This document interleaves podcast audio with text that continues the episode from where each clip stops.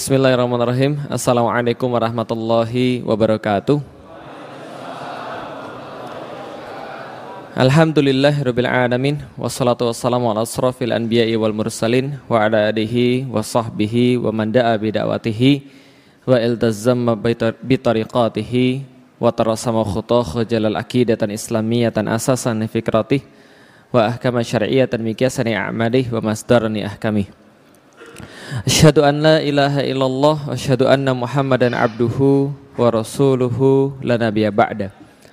Wa qala Allah ta'ala fil kitabihil karim, a'udzu billahi minasyaitonir rajim. Bismillahirrahmanirrahim. Wa ukhra lam taqdiru 'alaiha qad ahatallahu biha wa wa wa, wa kana Allahu ala kulli syai'in qadira.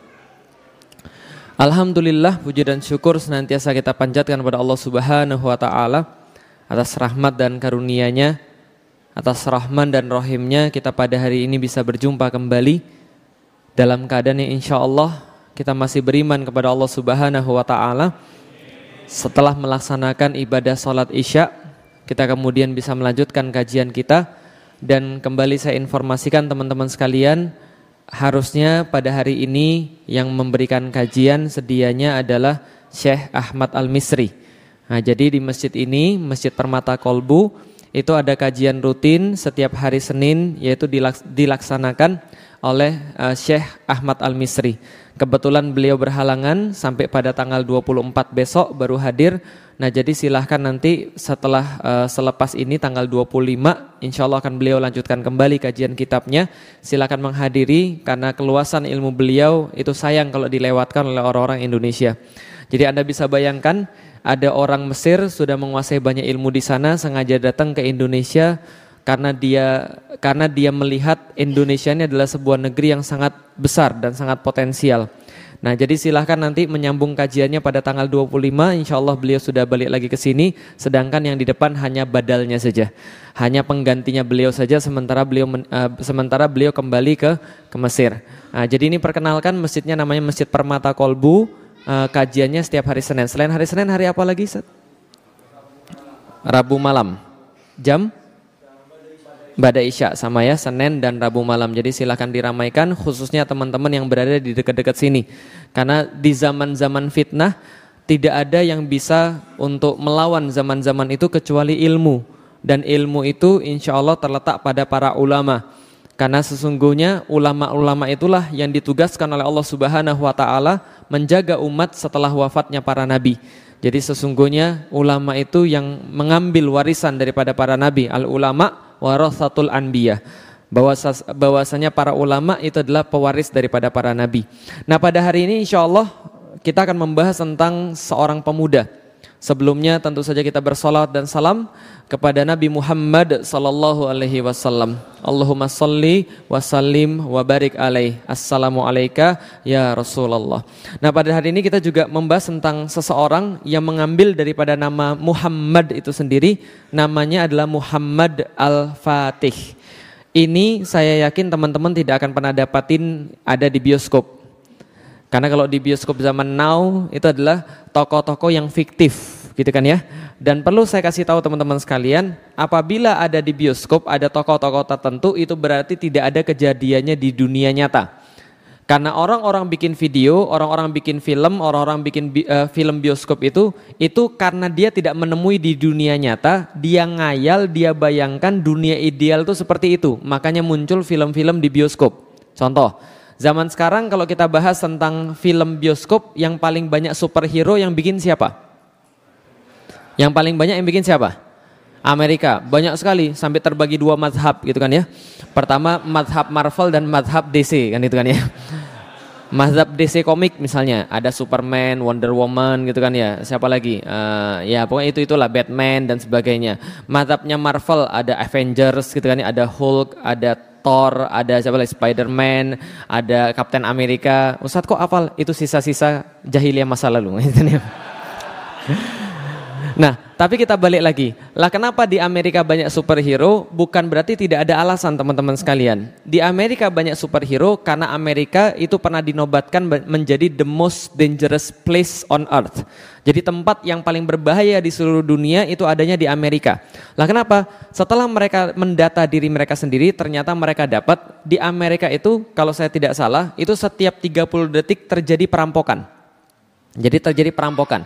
Setiap satu setengah jam terjadi pemerkosaan. Setiap beberapa beberapa hari sekali terjadi pembunuhan. Bahkan homicide itu lebih besar daripada pembunuhan-pembunuhan yang lain. Jadi kemarin ketika kasus Texas masih ingat ada orang nembakin, eh, sorry bukan Texas, uh, apa namanya Los Angeles. Itu ada orang nembak-nembakin di Los, uh, di Las Vegas gitu kan ya, bukan Los Angeles, Las Vegas ya. Nembak-nembakin orang itu ada berapa di situ yang luka? Sekitar 500 orang luka. Itu kan ya 500 orang luka karena tembakan-tembakan itu dan tidak sedikit ada yang mati di situ. Nah, ketika itu terjadi, saya membuka satu data bahwa Obama ketika masih berkuasa, dia bilang begini, kalau Anda takut sama teroris, Anda harus hitung berapa yang mati karena teroris yang Anda klaim sebagai kejahatan paling besar di dunia dibandingkan dengan kasus homicide pembunuhan karena eh, senjata-senjata dijual secara bebas. Dan teman-teman tahu Amerika itu kan ada sebelah timur ada sebelah barat. Yang paling parah itu sebelah barat. Negara-negara bagian sebelah barat khususnya Texas gitu kan ya. Kemudian uh, apa namanya Arizona dan sebagainya itu melegalkan penjualan senjata secara bebas. Jadi mereka di sana sudah wajar pegang uh, pegang pistol. Ketika saya sampai ke kota ketika saya sampai di Los Angeles, Las Vegas dan sebagainya, itu mereka pasang di rumahnya ada tempelan. Tempelannya senjata terus mereka bilang gini, "Di sini kami tidak panggil polisi." Paham teman-teman sekalian? Jadi gambar senjata terus tulisnya di sini kami tidak panggil polisi. Paham teman-teman sekalian? Nanti kalau Anda macam-macam saya tembak. Nah, kira-kira begitu. Nah, maka pembunuhan karena bersenjata itu banyak sekali di Amerika. Setelah didata atas pertimbangan Obama tadi, ternyata pembunuhan akibat bersenjata itu ribuan kali lipat lebih banyak daripada kasus terorisme. Bisa dipahami teman-teman sekalian. Ini yang ada di Amerika. Maka Amerika dikatakan the most dangerous place on earth. Tempat yang paling berbahaya di seluruh dunia. Makanya mereka mengimpi-impikan Bagaimana sih dunia kalau tidak ada kejahatan? Gimana sih kalau dunia selalu banyak power, uh, power apa namanya uh, superhero superhero? Maka banyak superhero di sana. Kenapa? Karena di sana banyak kriminal. Bisa dipahami sampai di sini teman-teman sekalian. Mereka buat banyak krimi, banyak superhero karena mereka nggak bisa kemudian menangani kriminal-kriminal di sana. Yang mereka bayangkan kalau ada superhero enak. Itu yang pertama. Jadi kalau ada film nggak ada kenyataannya. Contoh, pernah nonton film Korea? Nah, oh ibu-ibu pernah nonton film Korea ibu-ibu sekalian? Pernah? Pernah. Pertanyaan saya sederhana, orang-orang Korea aslinya romantis atau tidak? Enggak romantis, makanya ada filmnya. Karena mereka membayangkan laki-laki sempurna tuh kayak begitu, kemayu gitu kan ya, rambutnya begini gitu kan ya. Lah mereka bayangkan laki-laki itu begitu. Lah kenapa? Laki-laki itu sopan sama cewek, lalu perhatian pada cewek, romantis, tepat janji. Pada intinya nggak ada yang seperti itu. Makanya kalau orang-orang di Korea yang pernah pergi ke sana, yang jadi favorit adalah orang-orang Indonesia. Lah kenapa? Punya sifat-sifat seperti itu, kelembutan, perhatian dan sebagainya. Yang sesuatu yang nggak mereka temukan pada laki-laki di sana. Paham teman sekalian? Lah kenapa? Laki-laki di sana sama kayak laki-laki Jepang, dikit-dikit bunuh diri. Paham teman sekalian? Dapat nilai jelek bunuh diri, dibully dikit bunuh diri, nonton sinetron nggak senang bunuh diri. Jadi seperti itu. Nah ini kondisinya, maka nggak ada pada sesungguhnya. Nah makanya orang Indonesia nggak pernah buat film, kenapa? Karena di sini nggak perlu kemudian menghayal. Itu alasan orang Indonesia saja, itu kan ya. Baik. Tapi intinya adalah ini bukan tokoh fiktif, ini adalah tokoh yang sangat nyata, ada dan tidak hanya ada tapi keberadaan dia itu sudah pernah disampaikan oleh Rasulullah Sallallahu Alaihi Wasallam dalam hadisnya namanya Muhammad Al Fatih. Semua yang ada di sini teman-teman sekalian itu semua semuanya palsu kecuali pedangnya asli. Kecuali pedangnya asli. Pedangnya ini ada betulan, adanya di mana? Adanya di Museum Topkapi di Turki. Panjangnya sekitar satu setengah meter, bertuliskan dengan inskripsi bahasa Arab di tengahnya. Apa tulisannya? Tulisannya uh, Muhammad Khan bin Murad. Pemilik pedang ini adalah Muhammad Khan bin Murad yang kemudian dia berdoa di, diisi di situ. Mudah-mudahan yang mendekati pedang ini adalah lehernya orang-orang kafir. Luar biasa ya. Nah, itu itu yang punya Muhammad Al Fatih tapi sayangnya banyak orang pergi ke Turki. Semua orang pergi ke Turki pasti pergi ke Topkapi biasanya musim Topkapi tapi sayangnya nggak banyak yang ketemu pedang ini. Lah kenapa? Karena letaknya itu agak sedikit terhimpit sehingga sering dilewati oleh orang. Makanya berapa kali ada orang-orang ke sana saya tanya ketemu pedang ini nggak? Nggak. Lah kenapa? Karena mereka pasti lewati. Padahal ini adalah yang paling penting yang harus dicari di sana ini pedang pedangnya Muhammad Al-Fatih. Gagangnya dari gading gajah, lalu kemudian batangnya dari besi yang kemudian disepuh, tajam sekali, uh, satu setengah meter. Artinya orangnya juga gede. Nggak mungkin pedangnya satu setengah meter, orangnya semeter. Paham teman sekalian? Nah kalau gitu kita bahas tentang Muhammad Al-Fatih. Tapi sebelum saya membahas tentang Muhammad Al-Fatih, saya jelaskan sedikit tentang yang namanya bisharoh. Bisharoh dalam bahasa Arab artinya adalah kabar gembira. Beda dengan bisharoh dalam bahasa Indonesia. Itu artinya beda lagi. Saya pernah ditelepon, Assalamualaikum, Waalaikumsalam. Ustaz Felix, iya, bisa ngisi di tempat kami? Insya Allah, tanggal berapa? Tanggal segini, segini, segini, segini. Oke, kalau gitu saya ngisi di sini. Lalu mereka biasanya bilang gini, mohon maaf Ustaz, kami mau nanya, jangan tersinggung Ustaz. Ya gimana? Bisyarohnya berapa ya Ustaz ya? Saya tuh bingung, belajar bahasa Arab bisyaroh artinya kabar gembira. Lah kenapa di Indonesia ditanya bisyarohnya berapa? Ternyata maksudnya bisyaroh adalah amplop, paham teman sekalian? Oh, saya tahu, rupanya ustadz-ustadz itu ketika dapat amplop berbahagia. Nah jadi kira gitu. Saya bilang, dakwah itu adalah kewajiban. Artinya kalau kewajiban kita nggak boleh kemudian mengharapkan dan nggak boleh kemudian kita mematok sesuatu atas kemudian dakwah kita. Sama seperti kalau kita sholat. Kalau kita sholat itu adalah kewajiban kita. Kita nggak sholat kita yang dosa. Kalau andai kan ada orang berdakwah dan dia matok tarifnya berapa, itu sama seperti kalau ada orang mau sholat terus bilang begini, mau nggak lihat saya sholat? Kalau mau lihat saya sholat bayar dulu 5 juta. Kira-kira boleh atau tidak? Nggak boleh. Lah kenapa? Kalau nggak sholat dia sendiri yang dosa. Bisa difahami teman sekalian. Balik lagi soalan bisyaroh. Bisyaroh adalah kabar gembira. Kabar gembira dari siapa? Kabar gembira daripada Allah dan Rasulnya. Kepada siapa? Kepada seluruh orang-orang yang beriman tentang peristiwa yang terjadi di masa depan. Jadi peristiwanya terjadi di masa depan, belum mampu kita lihat, belum mampu kita ketahui secara mata dan langsung, tapi peristiwa ini menyenangkan kita. Kenapa? Walaupun belum mampu lihat, walaupun kita belum mampu merasakan secara langsung, tapi menyenangkan karena datangnya peristiwa ini, datangnya kabar ini daripada Allah dan Rasulnya. Sampai di sini bisa difahami? Contoh bisyarah, surganya Allah. Mau masuk surga? Mau masuk surga? Semuanya pasti mau masuk surga walaupun belum pernah lihat surga. Karena kenapa? Yang menyampaikan langsung adalah Allah dan Rasulnya tentang jannah. Seperti apa jannah itu? Dilukiskan di dalam Al-Quran bisyaronya. Seluas langit dan bumi. Bagaimana diceritakan di sana? Mudhammatan gitu kan ya. Jadi banyak sekali tumbuh hijau-hijauan di situ. Pohon-pohon menutupi. Tapi kemudian matahari-matahari bisa menembus. Sampai karpet-karpetnya itu setebel-tebel seperti uh, permadani. Sorry. Setebel-tebel seperti rumput tapi kayak permadani halusnya. Ada dipan-dipan dari emas, mimbar-mimbar daripada cahaya. Orang-orang duduk bertelekan dengan banyak sekali pelayan-pelayan yang melayani mereka. Pohon-pohonan yang berbuah yang bisa diambil langsung dengan tangannya. Gelas-gelas yang bercahaya, dipan-dipan terbang dan sebagainya. Khususnya bagi laki-laki, bicara yang paling yang luar biasa adalah ada apa tadi situ? Nah, Hurun ain, saya sudah tahu. Hurun in, bidadari-bidadari bermata jeli. Lam yatmithunna insung qablahum wala jan. Tidaklah kemudian di situ dia uh, dia dipingit kecuali sorry, uh, uh, dia tidaklah ada di situ kemudian pernah disentuh oleh laki-laki dan perempuan. Hurum maksuratun fil khiyam. Dia dipingit dalam kemah-kemah dikhususkan bagi orang-orang yang beriman dan kabarnya kalau betisnya saja kelihatan itu sudah kalah dunia dan seluruh isinya. Paham teman sekalian? Itu kabarnya gak usah dibayangin kan itu kan ya. Tapi sorry itu bukan untuk anda yang jomblo, paham teman sekalian? Lah kenapa? Saya berpikir, ini pikiran saya ya, bukan dalil ya, ini pikiran saya. Nanti kalau anda misalnya masuk surga yang jomblo-jomblo itu bidadari nggak mau sama anda, lah kenapa? Di dunia aja nggak terbukti, apalagi di surga aja.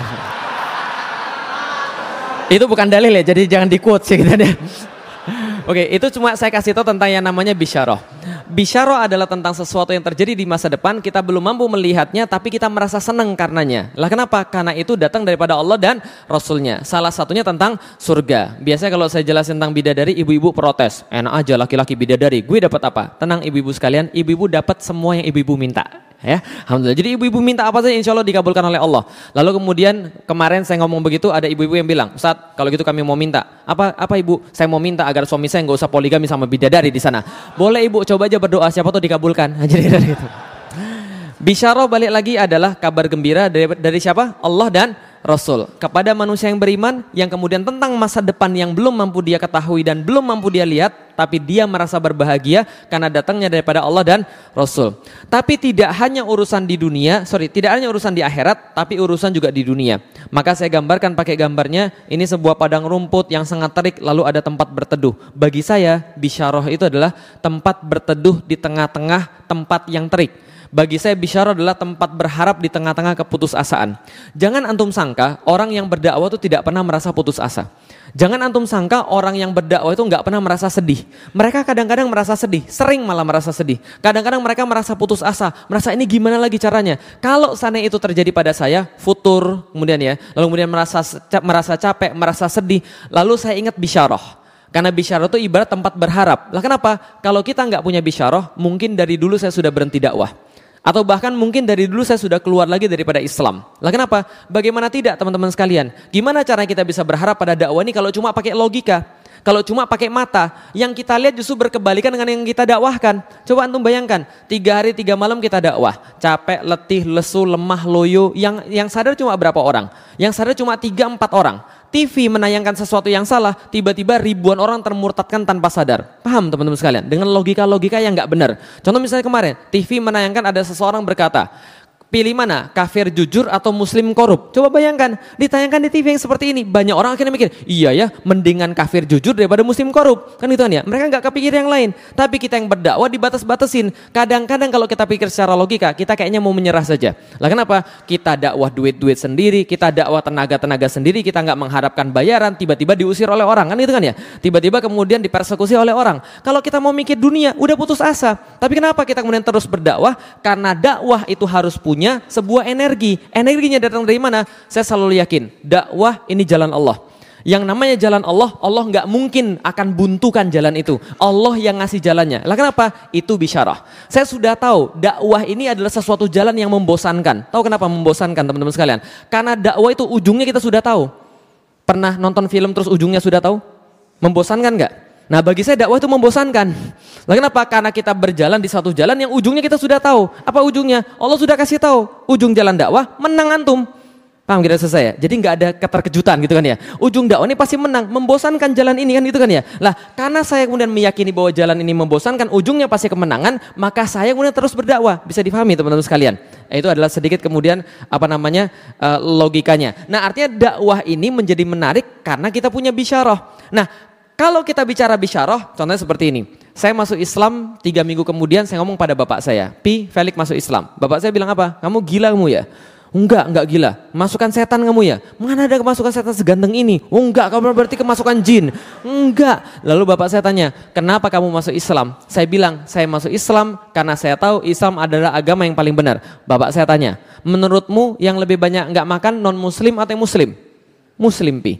Menurutmu yang lebih banyak nggak sekolah, yang non Muslim atau yang Muslim? Muslim pi. Menurutmu yang lebih banyak nggak kemudian nggak uh, nggak tepat janji dan sebagainya, Muslim atau non Muslim? Muslim pi. Lalu bapak saya bilang, kenapa kamu masuk Islam?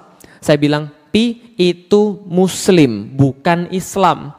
Islam satu sisi, Muslim di sisi yang lain. Kalau papi lihat zaman sekarang banyak Muslim tapi nggak mau tahu tentang Islam. Wajar hidup mereka seperti itu karena mereka tidak menerapkan Islam. Bapak saya tanya, kalau gitu kenapa kamu masuk Islam? Karena Islam agama yang paling benar. Kamu sok tahu, baru masuk Islam tapi sok tahu. Bapak saya bilang begitu. Lalu saya bilang memang inilah kenyataannya. Lalu bapak saya tanya, kalau gitu papi mau tanya, berapa orang-orang kayak kamu dan teman-temanmu itu yang merasa bahwa kamu paling tahu tentang Islam dan berapa banyak yang harus disadarkan? Dia, uh, saya bilang gini, mungkin di Indonesia nggak lebih tiga persen daripada orang-orang muslim yang benar-benar mau tahu tentang Islam, benar-benar mau belajar tentang Islam dan berkorban segala-galanya untuk Islam. Itu dulu tahun 2000, 2002 ketika saya baru masuk Islam. Sekarang berubah jauh. Apa berubah jauhnya? Coba lihat lima tahun yang lalu, ada nggak masjid bisa sepenuh ini? Ada nggak masjid bisa sepenuh ini? Nggak ada. Lima tahun yang lalu ada nggak orang kerudung sebanyak ini? Nggak ada. 2002 itu jawaban saya pada bapak saya. Bapak saya bilang, kalau gitu Lik, menurutmu tiga persen itu yang tahu tentang Islam mau merubah yang 97 persen? Iya, saya bilang. Itulah dakwah. Bapak saya bilang, kamu gila Lik, logikamu dari mana?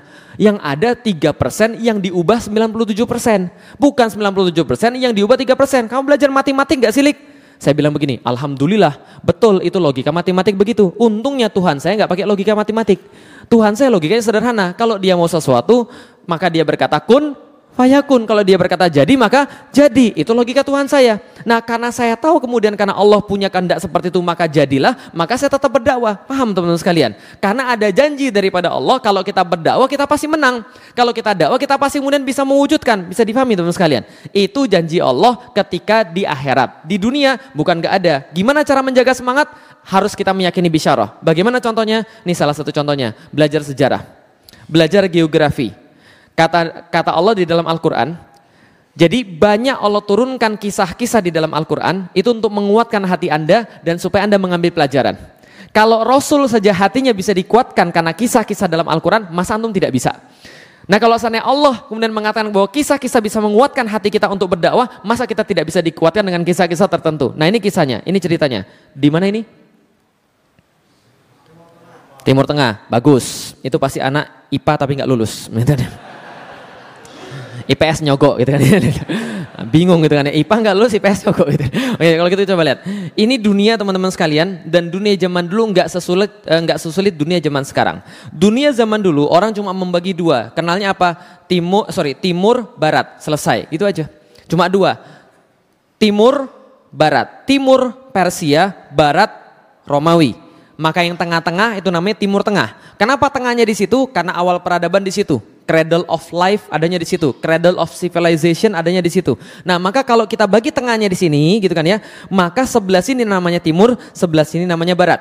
Maka timur dikuasai Persia yang pada saat itu sudah berusia seribuan tahun. Sementara barat dikuasai Romawi yang berusia 600-an tahun. Kapan ini kemudian peta terjadi? Ini peta terjadi tahun 622 Masehi. Kapan waktu 622 Masehi? Satu Hijriah. Sekarang sudah berapa Hijriah? Baik, terima kasih. Nah ini satu hijriah ketika Rasul hijrah dari Mekah ke Madinah, ini bukan bendera ISIS ya, jelas ya, sudah saya jelasin kemarin bahwa ini bendera Rasulullah. Nah kalau anda nggak percaya, berarti anda jangannya temannya abu-abu tadi, kan kan ya. Bendera Rasulullah saya pasang pasang di sini, artinya apa? Ketika Rasulullah masih hidup dan hijrah ke Madinah, maka kondisi di dunia pada saat itu ada Persia dan ada Romawi. Jadi cerita seperti itu, ada Persia dan ada Romawi. Ceritanya teman-teman sekalian, 100 enggak sampai 100 tahun. 50 tahun setelah Rasulullah Shallallahu alaihi wasallam wafat, kurang dari 50 tahun, ini Persia semua dikuasai oleh Islam. Bayangkan, wilayah sebesar ini 7,3 juta kilometer persegi, ini semua dikuasai Islam. Oleh siapa? Oleh panglima-panglima Islam Sa'ad bin Abi Waqqas dan Khalid bin Walid. Dihabisin semuanya. Maka kemudian semua itu masuk dalam wilayah Islam 7,4 juta kilometer persegi dan wilayah Islam jadi besar sekali. Tinggal pada saat itu Islam vs Romawi. Bisa, eh, bisa dibayangkan pada waktu itu? Oke, ceritanya tahan sampai di sini. Saya tanya pada Anda dulu. Kalau Anda sekarang dikasih gratis untuk pergi ke, saku, eh, ke satu kota, dibayarin full, Anda pilih pergi ke kota mana selain Mekah dan Madinah? Pengen pergi ke mana? Turki itu negara. Kota mana? Istanbul. Selain Istanbul apa lagi? Al-Quds. Selain Al-Quds apa lagi? Hah? Hah? Di mana tuh? Oh Syam, Syam itu tempat. Kotanya, kotanya. Hah? Roma, selain Roma apa lagi? Madrid, selain Madrid apa lagi? Manchester, Barcelona, itu bola semua itu pasti. Zaman dulu belum ada Barcelona, belum ada Madrid, belum ada Manchester, belum ada yang namanya segala-galanya, apalagi Jakarta belum ada. Semuanya waktu dulu kalau ditanya, kamu mau pengen pergi ke kota mana? Pasti jawabannya salah satu di antara dua. Nah kenapa? Karena dua kota ini paling terkenal di dunia pada masanya. Pertama namanya Konstantinopel, yang kedua namanya Roma. Setelah Islam menaklukkan kota-kota di Persia dan peradaban Persia sudah sangat tua sekali, peradaban dipegang oleh orang-orang Romawi. Romawi terbagi dua, namanya Romawi sebelah timur dan Romawi sebelah barat. Romawi sebelah barat penguasanya orang-orang Latin, Kristennya Kristen Katolik, maka ibu kotanya ada di Roma. Romawi sebelah timur orangnya orang-orang Yunani, nama agamanya Kristen Ortodoks, maka ibu kotanya ada di Konstantinopel. Sampai di sini paham teman-teman sekalian? Inilah dua kota yang paling penting, paling kuat, paling indah di dunia. Kenapa dua kota ini selalu disebut-sebut? Pertama, Konstantinopel, sebuah kota yang sangat indah sekali teman-teman sekalian, yang kabarnya di dalam pagar-pagar kota itu terdapat jumlah gereja yang lebih banyak daripada jumlah hari dalam setahun. Paham teman-teman sekalian? Sangat banyak sekali gereja-gereja di sana. Di saat kota-kota lain belum ada yang kemudian uh, diperkerasi, lalu kemudian diaspal dan sebagainya, di situ semua jalan-jalan sudah diperkeras dengan batu porfiri dan batu marmer. Sebelah kiri dan kanan jalannya dibangun forum-forum, dibangun kemudian gedung-gedung yang sangat tinggi dan di dalamnya banyak sekali kemudian orang-orang dan di tengah-tengah daripada kota itu terdapat satu gereja yang sangat besar sekali, bangunan terbesar di seluruh dunia. Ini simbol kebanggaan orang-orang Kristen Ortodoks namanya Gereja Ayah Sofia. Ayah Sofia ini saking kerennya teman-teman sekalian, orang-orang semua berebut ke sana seolah-olah orang pengen pergi ke satu tempat yang paling indah di dunia pada saat itu. Ada seorang pengembara daripada Rusia, datang tiga bulan jalan dari Rusia sampai dengan ke Konstantinopel, sampai ke Konstantinopel dia nulis dalam catatan hariannya, kami masuk ke dalam Ayah Sofia dan ketika kami masuk, kami langsung tersesat. Bahkan kami tidak bisa membedakan, kami masih di dunia atau kami sudah sampai ke surga. Paham teman-teman sekalian? Itu catatan dia saking indahnya. Lah kenapa? Ini tempat segede Istiqlal. Bahkan lebih gede daripada istiqlal teman-teman sekalian. Kubahnya lebih gede daripada istiqlal. Dan bayangkan setiap kemudian dinding-dindingnya ditahta dengan batu-batu permata. Ada emas-emas kemudian dalam beberapa kemudian mozaik-mozaiknya di situ. Dan kalau matahari kemudian menyinari itu berkilauan ke seluruh tempat Ayah Sofia ini. Sangat keren sekali. Orang-orang merasa sudah sampai kayak di surga. Yang kedua namanya Roma. Kota ini kalau tidak ada Konstantinopel sudah pasti kota nomor satu di dunia. Lah kenapa? Pusat penyebaran Kristen Katolik dan kebanggaannya orang-orang uh, kebanggaannya orang-orang Latin. Pernah menjadi ibu kota daripada Romawi, pernah menjadi ibu kota daripada kemudian yang lain-lainnya dan di dalam kota ini ada banyak alun-alun. Di Jakarta ada berapa alun-alun?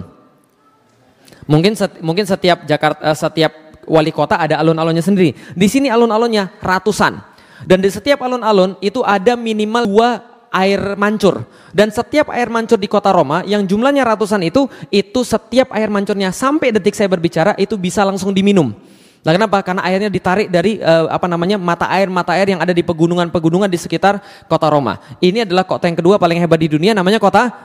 Oke, berarti ada dua kota. Satu kota, dua kota, dan dua-duanya ini sama-sama disebutkan oleh Rasulullah Sallallahu Alaihi Wasallam setelah hijrah dari Mekah ke Madinah. Kapan? 5 Hijriah. Ada perang yang sangat luar biasa terjadi di antara kaum muslimin yang kelak akan diingat sebagai perang termasuk yang paling parah dalam sejarah Islam. Apa nama perangnya? Perangnya perang apa namanya?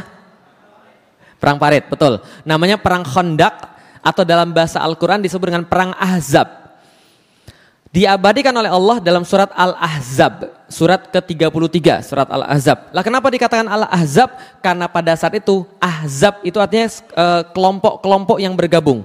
Jadi kalau Hizab artinya kelompok, kalau Ahzab itu koalisi kelompok-kelompok. Siapa yang berkoalisi? Orang-orang kafir Quraisy, orang-orang Yahudi, orang-orang munafik, mereka berkoalisi kumpul 10 ribu pasukan. Mereka bilang, kita kalah pada Badar, kita kalah pada Uhud. Uhud itu menurut orang banyak Islam yang kalah. Enggak, itu mereka merasa kalah besar ketika perang Uhud. Kita kalah pas Badar, kita kalah pas Uhud, maka kita harus menghabisi Muhammad langsung sampai ke akar-akarnya. Gimana caranya? Kumpulkan pasukan terbesar yang mampu kita kumpulkan 10 ribu orang jalan dari Mekah ke Madinah ingin menghabisi Rasulullah Sallallahu Alaihi Wasallam. Tapi ternyata mereka salah perhitungan. Lah kenapa? Rasulullah punya intel yang canggih. Enam hari mereka mau sampai ke Madinah, intel Rasul membocorkan rahasia ini. Siapa intelnya? Jibril. Paham teman sekalian? Nah. Jibril bilang ya Rasulullah ini di Madinah ada yang mau nyerang. Enam hari lagi nyampe. Berapa pasukannya? Sepuluh ribu ya Rasulullah. Rasul bilang sepuluh ribu orang datang ke sini mau menghancurkan kita. Hitung pasukan kita ada berapa? Setelah dihitung mereka dapat. Ya Rasulullah ada tiga ribu orang yang siap berperang. Di antara kaum laki-laki kita tiga ribu orang. Secara logika Ya, lihat, secara logika, secara pandangan mata, yang menang siapa? Tiga ribu atau sepuluh ribu? Rasul bilang jangan khawatir. Siapa yang punya usul angkat tangan? Salman Al Farisi angkat tangan. Ya Rasulullah saya punya usul ya Rasulullah. Apa Salman? Kami dulu di Persia, kalau kami berperang dengan orang yang jumlahnya lebih banyak daripada kami, kami pakai parit. Makanya namanya perang parit. Kami buat parit yang memisahkan antara kami dan mereka. Kami bisa ambil tanahnya tumpuk ke atas. Kami pasang pasukan pemanah. Kami panah mereka. Tapi kami tidak jamin menang karena pasukan mereka jauh lebih besar daripada pasukan yang kita punya. 10 ribu lawan 3000. Maka Rasulullah katakan nggak ada masalah, bikin paritnya. Maka dibuatlah parit memanjang sebelah utara Madinah itu sejauh 8 km. Berapa panjang? 8 km. 8 km kalau di Jakarta dari mana sampai ke mana?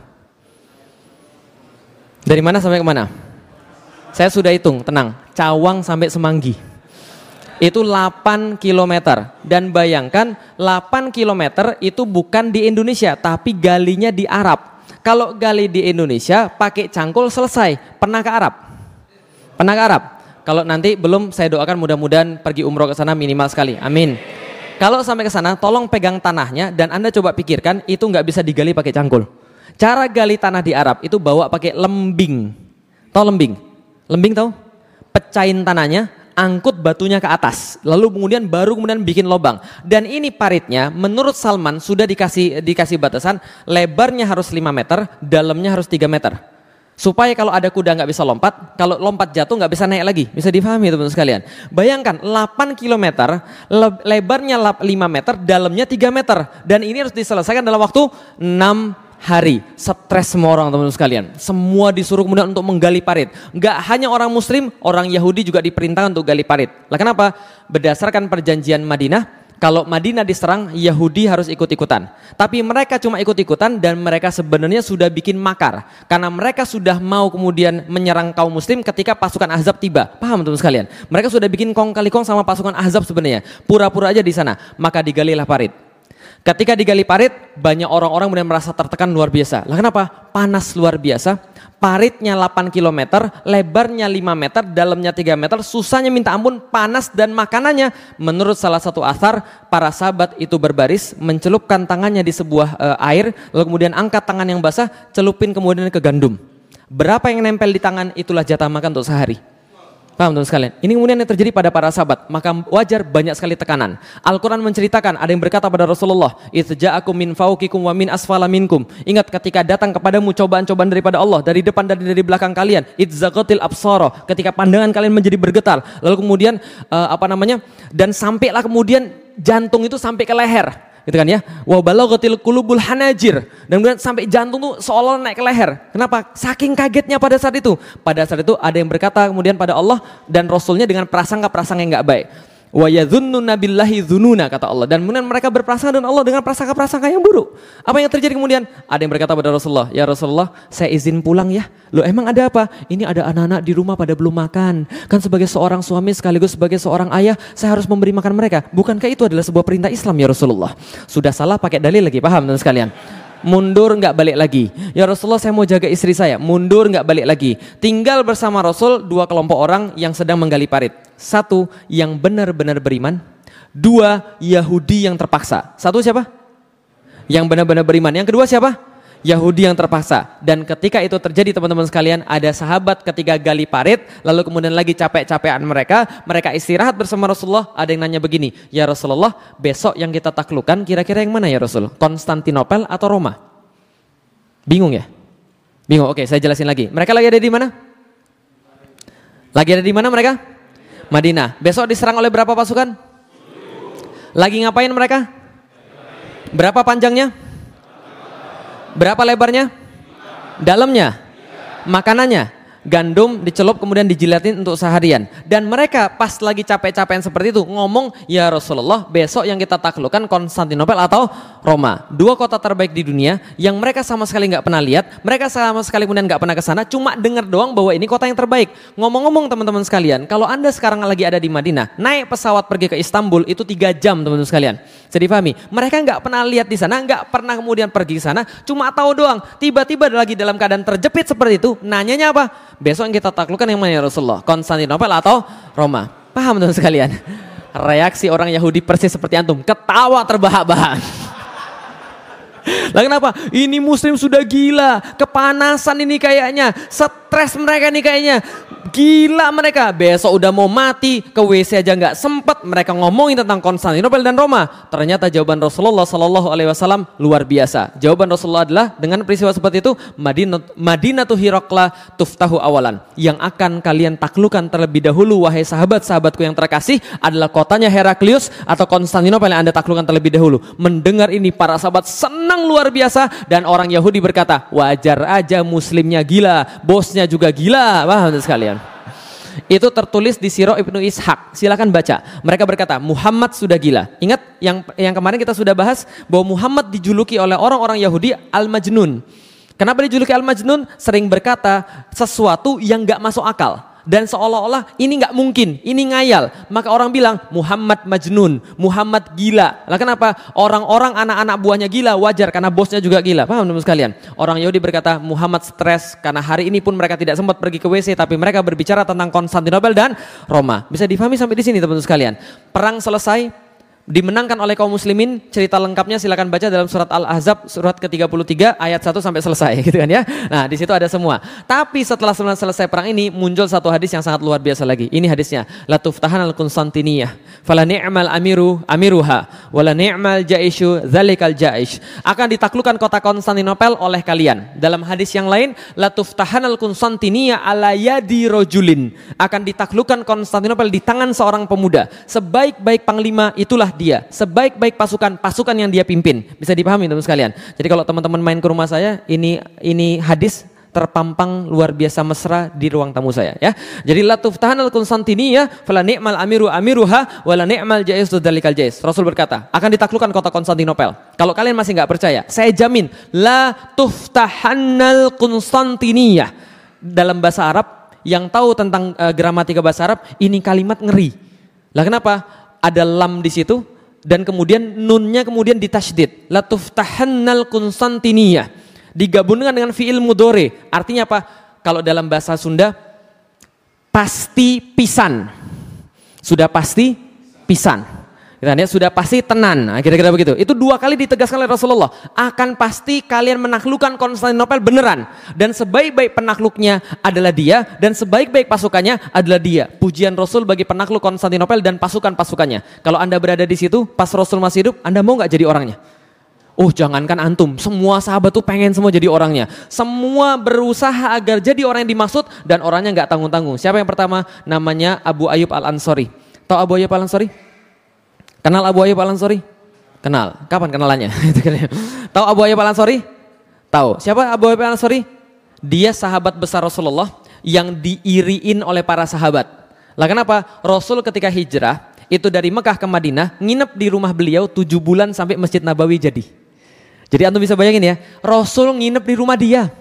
Orang bilang semuanya, gila kalau zaman sekarang ngomongnya gini, gila, ini orang paling mulia nginep di rumah dia, maka seisi rumah itu menjadi uh, menjadi mulia semua. Rumah siapa? Abu Ayub Al Ansori. Beliau pembawa bendera la ilaha illallah Muhammad Rasulullah panji Rasulullah ketika perang Badar. Maka ketika kemudian waktu itu dia dia menemukan Rasulullah sudah wafat, usianya sudah 80 tahun. Rasul sudah wafat.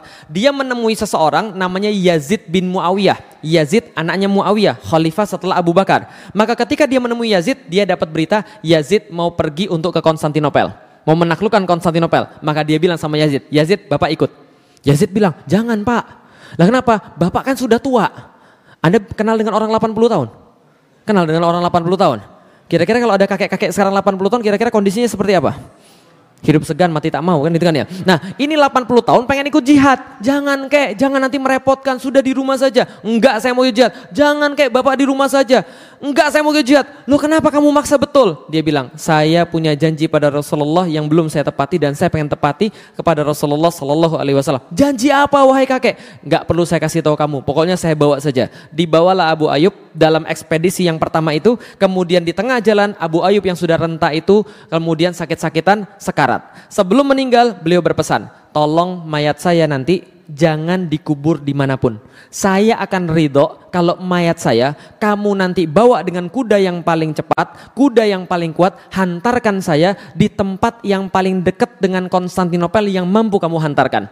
Supaya kenapa? Karena supaya saya bisa menunaikan janji saya pada Rasulullah. Apa janjimu? Saya pernah berkata pada Rasulullah ketika masih hidup, Ya Rasulullah, aku pengen mendengarkan gemerincing pedang dan derap kaki kuda pasukan penakluk Konstantinopel. Maka mayat Abu Ayub yang meninggal itu dibawa oleh Yazid bin Muawiyah dikuburkan tepat di depan tembok Konstantinopel supaya janji dia pada Rasulullah pengen mendengar gemerincing pedang dan derap kaki kuda itu bisa terwujud dan kemudian bisa dipenuhi oleh uh, Abu Ayyub Al Ansori. Kalah pasukan tadi, kalahkan apa? Karena nggak ada persiapan. Berikutnya, Mas Salama bin Abdul Malik bawa 120 ribu pasukan pergi ke Konstantinopel, nggak bisa menaklukkan. Kenapa nggak bisa? Mereka nggak perhitungan musim dingin, salju di mana-mana, pasukan habis semuanya. Harun Al Rasid bawa kemudian pasukan banyak, nggak bisa menaklukkan. Biyazid pertama, Murad kedua bawa pasukan, nggak bisa menaklukkan. Padahal dua orang orang ini sangat pintar perang, tapi nggak mampu menaklukkan. Lah kenapa nggak mampu menaklukkan? Nih coba lihat teman sekalian. Ini peta di daerah Turki yang sekarang. Lihat, ini selat selat paling penting di dunia pada masa itu namanya Selat Bosforus. Kenapa paling penting? Karena Selat Bosforus memisahkan antara Eropa dan Asia. Jelas sampai di sini? Selat Dardanel, Selat Dardanel, Laut Marmara, Laut Hitam. Laut Hitam di atas, Laut Marmara di bawah, ini Selat Bosforus yang memisahkan antara Asia dan Eropa. Nah, kalau gitu coba kita lihat, ini Istanbul yang sekarang, Konstantinopel yang dulu. Nah, ini yang warna merah. Ini kota ini adalah wilayahnya. Artinya apa? Ini kota memang kota paling kuat pada zaman dulu. Napoleon Bonaparte yang ahli perang mengatakan, andaikan dunia ini jadi sebuah negara, maka ibu kotanya tidak akan diperdebatkan. Pastilah Konstantinopel. Yaitu adalah kota yang kita bicarakan. Apa Konstantinopel? Nih Konstantinopel. Kota dari uh, dari uh, dari dari udara. Konstantinopel bentuknya kayak segitiga. Ingat baik-baik, bentuknya kayak segitiga sebelah utara berbatasan dengan Teluk Tanduk Mas. Ini teluk, di sini mampet di sini. Nah, ini Teluk Tanduk Mas. Sebelah sini ini Selat Bosforus yang tadi kita lihat. Yang yang memisahkan antara Asia dan Berarti sebelah sini apa nih? Sebelah sini? Asia. Sebelah sini? Jelas ya? Sebelah selatan Laut Marmara. Sementara itu kota dibatasi oleh tembok-tembok yang sangat kuat sekali yang tidak pernah rubuh selama ribuan tahun teman-teman sekalian. Dan kota ini saking indahnya karena dikelilingi lautan setiap yang pernah datang ke sana berkata, ini kota saya sumpah sangat indah sekali. Lah kenapa? Langitnya beda dengan yang lain. Ini adalah kemudian Konstan Konstantinopel yang nggak bisa ditaklukkan oleh siapa pun. Nah siapa yang menaklukkan Konstantinopel? Ini orangnya, namanya Muhammad II bin Murad. Atau yang kita kenal dengan nama Muhammad Al-Fatih. Dan ini gambar dia ketika dia menaklukkan Konstantinopel dilukis oleh orang Italia namanya Gentile Bellini. Kira-kira umurnya berapa ketika dia menaklukkan Konstantinopel dilihat dari gambarnya ini? 40 salah. 17 salah. 17 jenggotan begini. Berapa umurnya? 21 betul. Umurnya 21 tahun. Loh kok jenggotnya panjang? Karena dia orang Turki, paham ya? Jadi kalau orang Turki jenggotnya banyak. Umur 17 aja jenggotnya sudah banyak. Kalau orang Cina nggak punya jenggot. Jadi jangan banyak tanya lagi, paham ya? Kadang-kadang orang tuh sadis pada saya. Ustadz nggak sunnah. Lah kenapa nggak pelihara jenggot? Bukan nggak pelihara, rezeki saya cuma segini, mahal untuk sekalian. Ini masih mending karena sudah sering mengaji kan gitu kan gitu.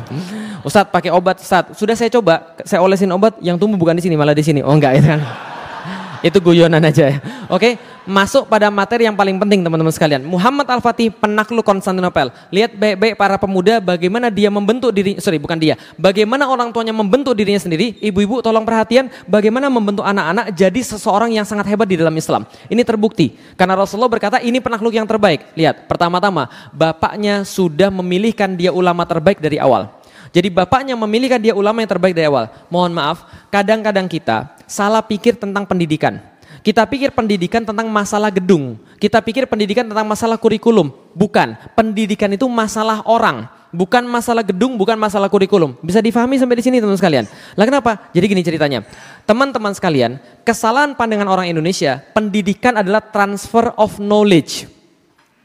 Kalau pendidikan hanya transfer of knowledge, maka Google tahu lebih banyak daripada semua guru Anda. Wah, untuk sekalian. Google tahu lebih banyak daripada semua profesor Anda. Tapi pendidikan di dalam Islam bukan transfer of knowledge saja, tapi transfer of karakter.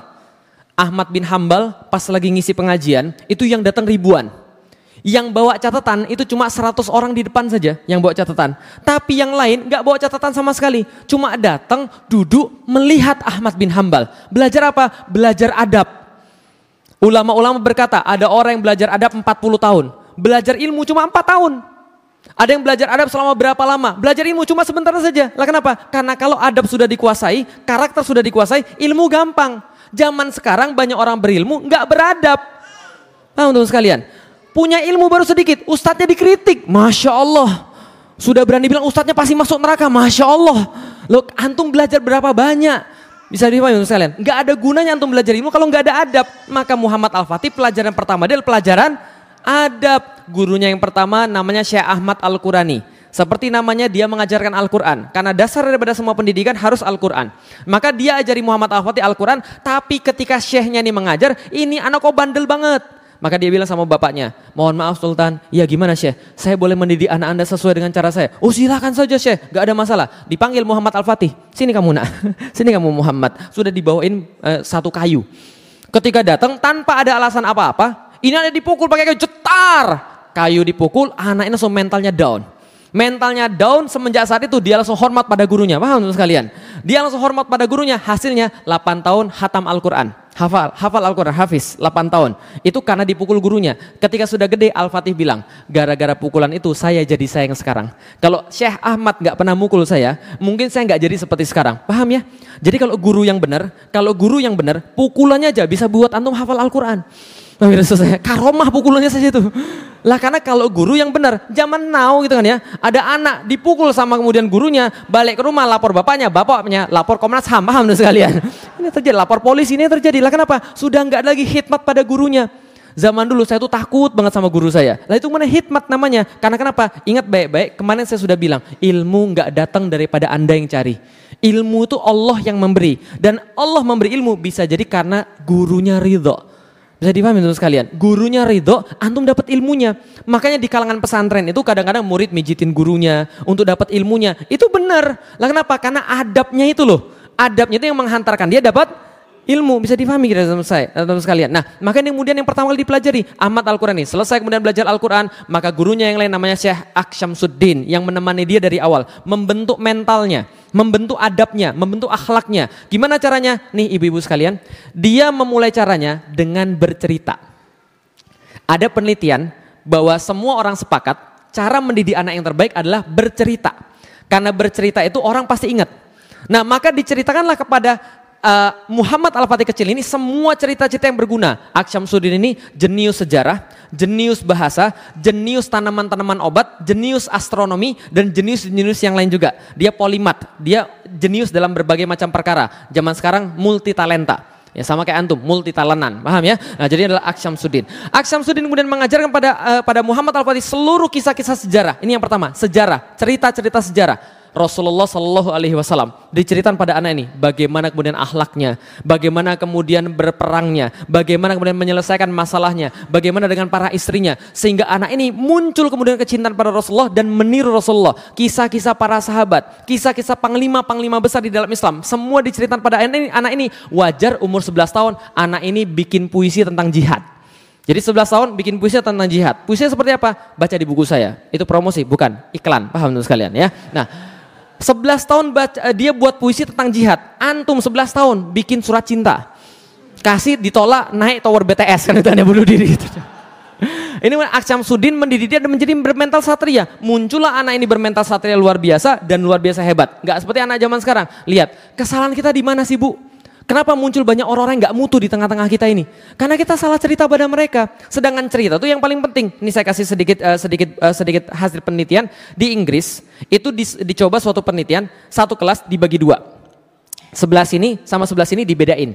Sebelah sini diceritain tentang satu kisah, sebelah sini dipisah dulu. Diceritain kisah apa? Yang lagi yang masyhur di Inggris itu adalah cerita seorang satria menyelamatkan putri dari eh, dari seekor naga. Gitu kan ya? Diceritain, gini loh ceritanya. Ada putri diambil oleh naga. Satrianya datang melawan naganya. Ketika naganya datang kemudian dia lawan mati-matian, patah kaki, dia patah tangan, patah pedang. Setelah dia patah segala-galanya, dia patah hati juga. Lalu kemudian dia putus asa. Setelah putus asa, dia pulang. Nggak mungkin saya menang melawan naga. Yang satunya diceritakan, patah tulang, patah pedang, patah kaki. Dia berusaha sampai kemudian sebisanya. Akhirnya dia bisa membunuh naga, menyelamatkan putri. Ternyata apa terjadi? Ternyata setelah dites, mental orang yang diceritain bahwa pahlawannya kalah dan nyerah dibandingkan dengan mental orang yang kemudian diceritain pahlawannya menang. Itu yang di sini nggak mudah putus asa, yang di situ mudah putus asa. Paham teman sekalian? Itu sudah diteliti. Jadi cerita itu sangat berpengaruh. Gak percaya? Lihat orang Indonesia. Salah cerita, lah kenapa? Cerita orang Indonesia apa? Coba saya tanya sekarang.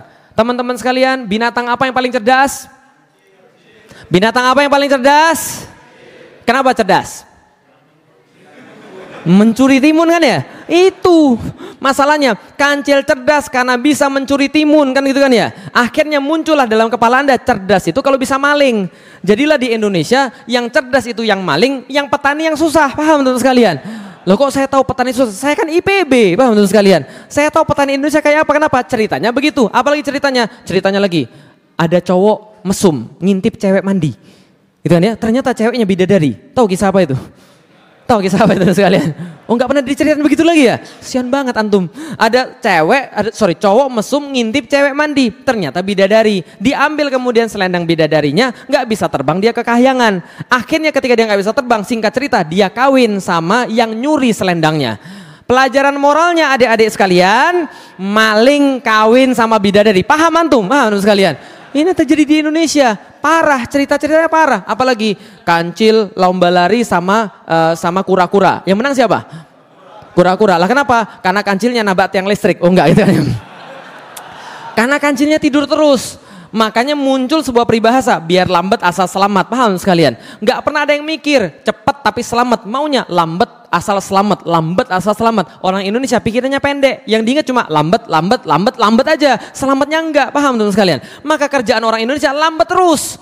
Jadi dipahami teman sekalian? Enggak tak enggak ada cepat tapi selamat. Lah, cerita-cerita itu jadi masalah. Bisa dipahami teman sekalian sampai di sini? Tapi cerita orang ini, Rasulullah, para sahabat, jihad, kesatrian, wajar kalau anak ini hebat. Lah kenapa? Ini loh patron di kepalanya itu loh. Jadi hati-hati kita eh, ketika kita di eh, di Al-Fatih kita buat cerita-cerita yang herois mengangkat kisah-kisah sejarah. Supaya kenapa? Supaya anak kita bukan baca kemudian Spider-Man, bukan baca Captain Amerika. Jadi paham sekalian. Lah kenapa? Karena itu merusak dia memang kuat tapi tidak soleh. Paham teman sekalian? Sedangkan yang kita mau cari adalah anak-anak yang soleh. Ini harus perhatian. Ceritanya ibu-ibu sekalian. Tolong di rumah punya siroh nabawiyah. Tolong di rumah punya siroh tentang para sahabat. Biar bisa cerita sama anak-anak. Jangan sampai anak-anak lebih tahu tentang superhero daripada dengan tentang para sahabat. Ini penting karena ini mental. Dia jadi gini. Orang kalau mau berbuat sesuatu, dia akan cari referensi mental. Bisa dipahami ya? Dia akan cari referensi mental. Contohnya misalnya begini, antum ketemu satu uh, antum ketemu satu musuh. Musuh itu menghina agama antum. Maju atau mundur? Contoh mentalnya siapa misalnya? Dia lebih gede daripada antum tapi terus gimana? Contoh mentalnya siapa? Daud, Pak. Daud itu bertemu dengan orang yang lebih gede, dia nggak mundur. Lah kenapa? Kalau mundur Yahudi dan aku bukan Yahudi. Aku adalah turunannya daripada para nabi, sama kayak itu. Aku lawan dia. Ini adalah benar referensi mental, bisa dipahami sekalian. Kalau nggak ada referensi mental, orang nggak akan bersifat kesatria. Maka pentingnya ini kemudian cerita-cerita pada anak-anak kita. Jangan cerita yang bohong-bohong. Ceritain tentang orang-orang yang hebat, para sahabat, rasul dan sebagainya. Paham sampai di sini teman sekalian? Oke, setelah diceritain seperti itu, anak kecil ini sekitar umur 5 tahun sampai 8 tahun diajak sama Syekh Aksyamsuddin melihat Ayah Sofia, tadi gereja yang paling besar dari kejauhan. Lalu Aksyamsuddin bilang, "Nak, kamu lihat itu apa?" Iya, apa itu? Ayah Sofia. Apa itu Ayah Sofia? Tempat yang akan kita taklukkan nanti Syekh. Kalau begitu saya mau cerita. Bapakmu sudah ke sana, bapakmu gagal. Kakekmu pernah ke sana, kakekmu gagal. Buyut-buyutmu sampai turunan ketujuh, karena kamu keturunan ketujuh daripada Sultan Utsman, maka dia juga pengen tapi dia tidak pernah bisa dan setelahmu juga tidak akan pernah bisa. Lu kenapa Syekh? Karena saya senantiasa minta pada Allah Subhanahu wa taala dalam setiap sujud saya. Saya senantiasa minta dalam setiap sujud saya, dalam setiap tahajud saya pada Allah Subhanahu wa taala bahwasanya yang disebut dengan sebaik-baik panglima dalam hadis Rasulullah sallallahu alaihi wasallam, saya selalu minta pada Allah yang disebut dengan sebaik-baik panglima yang memimpin sebaik-baik pasukan adalah Ananda. Kamu yang menaklukkan Konstantinopel. Anak ini diomongin begitu. Langsung setelah itu dia yakin, aku adalah yang dimaksud oleh hadis Rasulullah di Nopel. Bisa difahami kira maksud saya? Dia yakin betul, dia yakin betul karena gurunya meyakinkan pada dirinya, dialah yang dimaksud dalam hadis Rasulullah merupakan penakluk Konstantinopel. Anak ini mentalnya dibuat begini, langsung beda dari orang-orang biasa. Orang-orang biasa pesimis, dia tidak. Apa yang terjadi pada dia? Nih coba lihat apa yang terjadi gara-gara cuma yakin doang. Gara-gara yakin doang. Apa yang terjadi? Dia menguasai 8 bahasa ketika berumur 16 tahun. Berapa bahasa? 8 bahasa. Umurnya berapa? 16 tahun. Anu sudah berapa tahun? Nah, berapa bahasa? Oh, empat saat, alhamdulillah bahasa Indonesia, bahasa Inggris, bahasa daerah, bahasa isyarat, alhamdulillah, gitu kan ya. Nah, dia menguasai 8 bahasa ketika berumur 16 tahun. Apa saja? Arab, Turki, Persia, itu bahasa ibunya, bahasa keluarganya. Bahasa Arab, Turki, Persia, Yunani, Ibrani, lalu kemudian Latin, lalu Slavik, lalu kemudian satu lagi lupa. Nah, inilah namanya manusia, gitu kan ya. Jadi, dia menjadi kemudian sultan pada umur 12 tahun. Umur 12 tahun dia sudah jadi sultan dan lebih hebat lagi adalah semenjak balik hingga meninggal dia tidak pernah meninggalkan satupun sholat rawatib dan sholat tahajud. Lah kenapa? Karena dia tahu persis permintaan dia pada Allah ingin menjadi penakluk Konstantinopel. Dan kata Rasul, penakluk Konstantinopel adalah penakluk terbaik. Kalau terbaik berarti harus paling dekat dengan Allah. Kalau mau mendekati Allah, nggak mungkin pakai amal-amalan biasa. Kata Rasulullah dalam hadis Qudsi, aku tidak akan pernah ridho sama seorang hamba sampai hamba itu melakukan kewajiban yang aku perintahkan. Tapi tidak cukup. Tapi kalau dia mau aku cintai, kata Allah, maka dia harus melakukan sunnah-sunnah nawafil. Sampai aku mencintainya. Kalau aku sudah mencintainya, maka matanya akan aku jadikan seperti mataku, di mana dia melihat dengan mataku. Tangannya akan ku berbuat seperti tanganku, di mana dia berbuat dengan tanganku. Maka dia minta sesuatu, aku penuhi. Dia minta aku lindungi, aku lindungi dia. Itu hadis daripada daripada Rasulullah, hadis kutsi. Maka dia berusaha melakukan sunnah-sunnah nawafil. Kalau anda mau sesuatu yang besar, jangan pakai yang biasa. Kalau Anda mau sesuatu yang lebih daripada orang lain, lakukan lebih daripada orang lain. Bisa dipahami teman sekalian. Kalau orang tidurnya 4 jam, antum tidur 2 jam. Lah kalau orang tidur 4 jam, antum mau tidur 6 jam, antum pasti dapat di bawah dia. Bisa bisa bisa dipahami sekalian. Maka Al-Fatih begitu, dia tidak pernah meninggalkan sholat rawatib, dia nggak pernah meninggalkan sholat tahajud karena dia yakin dia adalah yang terbaik. Lihat baik-baik kesalahan kedua orang Indonesia nazar. Orang Indonesia kalau nazar salah. Lah kenapa? Orang Indonesia nazarnya begini, ya Allah kalau aku jadian sama dia ya Allah, aku nanti akan tiga bulan berturut-turut puasa. Kan itu kan ya? Ya Allah kalau aku dapat kerja ya Allah, aku akan sedekah 2 juta. Kan itu kan ya? Pertanyaan saya, kalau Allah nggak kasih terus kenapa? Itu nazar atau ngancem, paham teman kalian? Coba perhatiin baik-baik. Ini loh, lihat diksinya. Ini ngancem atau nazar? Coba lihat. Kalau aku dapat dia ya Allah, berarti aku akan puasa dua bulan berturut-turut. Berarti kalau aku nggak dapat, aku nggak mau puasa. Antum ngancem Allah. Maksud saya, nazar yang benar itu seperti Muhammad Al-Fatih. Bagaimana nazar yang benar? Di dalam surat Al-Fatihah. Iya karena abudu wa iya karena stain. Wahai orang-orang yang menginginkan sesuatu yang lebih banyak daripada Allah. Penuhi ibadah anda pada Allah, baru minta pada Allah. Iya karena abudu, wa iya karena stain. Anda ibadah dulu, baru Anda minta pada Allah. Lihat Ibrahim yang menginginkan anak. Dia menginginkan betul anaknya. Apa yang dia lakukan? Ibadah yang nggak sama seperti yang lain. Apa ibadahnya? Di dalam Al-Quran diceritakan bagaimana dia menyambut tamu-tamu gitu ya di malam hari, di tengah malam lewat dia menemui tamu-tamu, bukan satu dua tamu, banyak tamunya. Lalu kemudian ketika datang, assalamualaikum, waalaikumsalam datang. Oh banyak yang datang, masya Allah. Anu diketok orang jam 2 malam, kira-kira dibukain atau tidak? Panggil Hansip antum. Lah ini Nabi Ibrahim langsung dibukain. Setelah dibukain kemudian, oh ya sebentar ya, mundur ke belakang, bangunin istrinya. Sarah, kita punya apa? Kita punya apa? Oh ada kambing. Ya sudah sembelih kambingnya segera, bikin gulai bagi mereka. Dibikin gulai bagi mereka, ditawarkan gulainya. Ternyata yang datang nggak punya kaki semua. Udah sekalian. Lalu merasa takut apa? Yang datang malaikat. Malaikat bilang apa? Kami memberi kabar bahagia kepada engkau karena engkau akan mendapatkan seorang anak. Masya Allah. Coba lakukan yang lebih baik. Nah iya kan abu dua, iya kan stain. Dia sampai meninggal tidak pernah meninggal sholat rawatib dan sholat tahajud. Nggak ada alasan ngantuk. Lah kenapa? Antum minta sama Allah yang banyak. Antum minta sama Allah yang yang yang uh, yang besar. Masa antum mau dikalahkan dengan rasa ngantuk? Enggak, tahajud. Nah tidak pernah meninggalkan sholat rawatib dan tidak pernah meninggalkan sholat tahajud. Nah apalagi tapi dia tidak hanya ibadah mahdoh. Dia melakukan sebab akibat. Dia mengumpulkan pasukan-pasukan yang namanya ingkisaria. Dalam bahasa Turki uh, Yeni Seri. Yeni artinya baru, Seri artinya pasukan. Dalam bahasa Arab jadi Ingkisaria. Nah Ingkisaria ini apa? 7000 pasukan elit dikumpulkan dari kecil di setiap barak-barak. Di setiap barak-barak ada seorang ulama yang tugasnya bacaan Quran, bacaan hadis dan membentuk mental pasukan agar menjadi mujahid visabilillah. Sehingga mereka punya idola, mereka punya cita-cita. Apa cita-cita mereka? Kami adalah Ghazi, itu kemudian panggilan mereka yang paling hebat. Jadi zaman sekarang doktor, insinyur, profesor itu dianggap hebat. Zaman dulu nggak ada. Zaman dulu yang hebat adalah titel ghazi. Apa itu ghazi? Orang yang berperang di jalan Allah. Maka sampai-sampai di zaman itu berdasarkan para sejarawan yang menulis, zaman itu orang tua akan merasa aib besar ketika anaknya sudah balik kemudian nggak bisa ikut perang tapi di rumah. Itu aib besar.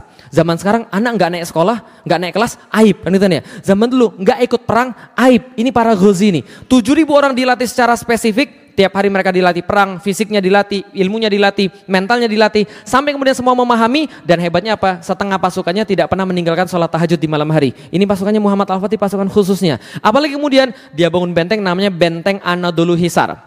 Seperti apa Benteng Anadolu Hisar? Oke balik ke peta. Kecepatan nggak ngomongnya? Alhamdulillah kalau gitu kan ya. Kan cepat tapi selamat. Selat Bosforus. Sebelah sini Asia, sebelah sini Eropa. Ingat Ingat posisinya Konstantinopel tadi bentuknya kayak apa? Oke, ini bentuknya nih kayak segitiga nih aslinya nih. Ini diambil dari Google, aslinya begini nih, segitiga. Ini adalah Salat Bosforus, Al-Fatih bilang, ini Konstantinopel. Kenapa nggak pernah ditaklukkan? Karena Al-Fatih jenius geografis, jenius kemudian fisika terapan dan sebagainya. Dia bilang ini, karena ini tidak kita tutup maka sampai kapan pun nggak bisa takluk ini. Lah kenapa? Bala bantuan dari sini, bala tentara dari sini, semua bebas lewat sini. Tapi kalau kita tutup, ini terkepung. Gimana caranya? Gampang. Buyut saya sudah bangun benteng namanya Anadolu Hisar. Anadolu artinya Anatolia, Asia Kecil. Hisar artinya benteng. Benteng yang terletak di wilayah Asia Kecil. Sedangkan Al-Fatih berencana bangun benteng di depannya, Rumeli Hisar benteng yang terletak di wilayah Rumelia, Romawi. Maka ketika dia pengen, pingin bangun benteng di sini, terdengar oleh Kaisar Konstantinopel, Kaisar kirim surat. Woi, kamu ini anak siapa sih? Bikin benteng di tanah orang, nggak tahu diri. Padahal dulu buyutmu bikin benteng di tanahnya sendiri, dia minta izin kepada kami, sebagaimana seorang anak minta izin pada bapaknya. Sedangkan kamu berani-berani bangun benteng tanpa izin, bikin benteng di tanah orang pula. Al-Fatih kirim surat balasan. Saya kasih tahu kamu, wilayahmu adalah Konstantinopel dan yang dibatasi oleh pagar-pagarmu saja. Jadi selain wilayah itu bukan wilayahmu dan aku bebas membangun apa pun di sana. Dan kalau engkau berbicara tentang sultan-sultan sebelum saya, ketahui baik-baik sultan yang sekarang beda dengan sultan yang kemarin. Yang tidak bisa mereka lakukan akan saya lakukan. Yang tidak bisa mereka selesaikan, saya selesaikan dalam waktu cepat. Kalau kamu kirim orang lagi ke sini, saya pastikan mereka tidak akan pulang dalam keadaan hidup. Diancam. Setelah diancam nggak berani lagi kirim. Nah ini kemudian ini blueprintnya teman-teman sekalian. Ini kemudian kapal-kapal di Selat Bosforus ini adalah punya buyutnya Anadolu Hisar, inilah punya dia, Rumeli Hisar. Bagaimana posisi sesungguhnya? Nih, posisi sesungguhnya Anadolu Hisar. 25 meter di atas, ini mobil bila dibandingkan dengan bentengnya. Gede nggak bentengnya? Oh gede. Jadi kalau anda masuk di pintu masuk mau ke WC harus naik angkot dulu. Paham oh, sekalian? Itu adalah Anadolu Hisar. Rumeli Hisar lebih gede lagi. Ini Rumeli Hisar. Ini Rumeli Hisar. Lihat ini. Ini ada tujuh citadel, ada ada tujuh benteng besar kayak begini. Dan ini semua ter, eh, terkoordinasi ini 30 ribu meter persegi dan ini mobilnya di sini dan selesai ini semua dalam waktu berapa lama? Empat bulan. Paham teman sekalian? Berapa lama selesainya? Empat bulan. Anda ngelihatnya mungkin biasa. Tapi kalau dilihat dari atas, ini dari uh, dari atas ini membentuk nama Muhammad. Lihat, mim, ha, mim, dal. Dari atas nanti kelihatan namanya Muhammad gitu kan ya. Ini benteng terkoordinasi. Saya pernah datang ke sini teman sekalian, ini tingginya sekitar 60-an meter sampai ke atas. Saya pernah datang ke sini, salah naik angkot. Salah naik angkot, serius, salah naik angkot. Yang di atas jurusannya Rumeli Hisarius tuh, yang di bawah Rumeli Hisar. Yang saya naik ke sini. Pas saya naik sini, ya Allah salah naik angkot sampai di atas. Gak apa-apa, kita bisa masuk dari sini ada pintu masuk. Masuk ke sini, ternyata udah ditutup lama di gembok. Terpaksa turun ke bawah lihat sini. Ya Allah lutut saya mau putus sama sekalian. Serius. Itu tinggi sekali. Yang saya bayangin, Gimana caranya ngangkat batu-batu besar ke atas itu, lalu kemudian menumpuk-numpuk jadi seperti ini empat bulan. Kalau dia nggak serius nggak akan jadi. Paham dong sekalian? Ini selesai dalam waktu empat bulan. Selesai empat bulan, orang-orang menyebut dengan nama Boas Kesen. Artinya adalah pemotong kerongkongan. Kesen artinya kerongkongan, sorry, Boas artinya kerongkongan atau Bosforus. Kesen pemotong, pemotong tenggorokan. Setelah selesai jadi semua ini, struktur yang luar biasa ini, tapi namanya anak muda, tetap ada masalah. Betul begitu? Kalau dalam film-film kan anak muda pasti punya masalah. Kan ditanya, apa masalahnya? Ini masalahnya teman sekalian. Tembok Konstantinopel. Yang sudah saya bilang tadi, dibuat pada tahun 300, nggak pernah jatuh sampai tahun 1453. Perfect selama 1123 tahun. Bayangkan teman sekalian, berapa lama? 1123 tahun perfect nggak ada yang mengalahkan. Lah kenapa? Bayangkan, jangan tahun ini bayangin ya. Bayangin pada tahun 300 sampai tahun 1400. Ada satu struktur tingginya 18 meter. Kebayang nggak teman sekalian? 18 meter kalau ada artis di situ, ini artisnya kira-kira. Kok kecil banget Ustaz? Iya itu artisnya nih. Jadi kalau ini 18 meter, enggak hanya kemudian 18 meter, tiga lapis. Lapis pertama parit. Anda bawa kuda, kuda berhenti di sini, mohon maaf. Di sini paritnya 20 meter, dalamnya 10 meter. Kalau Anda nekat berenang, di mana dari sini. Oh, tapi tenang Ustaz, saya punya batu akik yang sakti. Oh iya, boleh. Nah, batu akik sakti, Anda di mana nggak mempan ya. anda naik ke sini, berantem di sini, lempar batu di sini, lempar minyak di sini, dibakar di bawah. Taruhlah Anda berhasil mulai mengalahkan di sini, manja di sini. Ini tingginya sekitar 8 meter, eh sorry, tingginya sekitar 5 meter, uh, tebelnya sekitar 3 meter. Taruhlah Anda bisa manjat di sini, dipan lagi dari sini. Lempar batu, lempar minyak, bakar. Taruhlah Anda bisa mengalahkan karena batu akik Anda kuat banget gitu kan ya. Nah ini tingginya sekitar 8 meter. 8 meter, tebelnya sekitar 5 meter. Kalau Anda jadi Muhammad Al-Fatih, gimana cara masuk tempat ini? Ingat, ini sudah perfect selama 1123 tahun. Pendahulu Anda nggak ada yang bisa, semua nggak ada yang bisa, terus Anda gimana caranya kira-kira? Yang agak kreatif dikit, gimana caranya? Ah, gali, gali lewat bawah, bagus.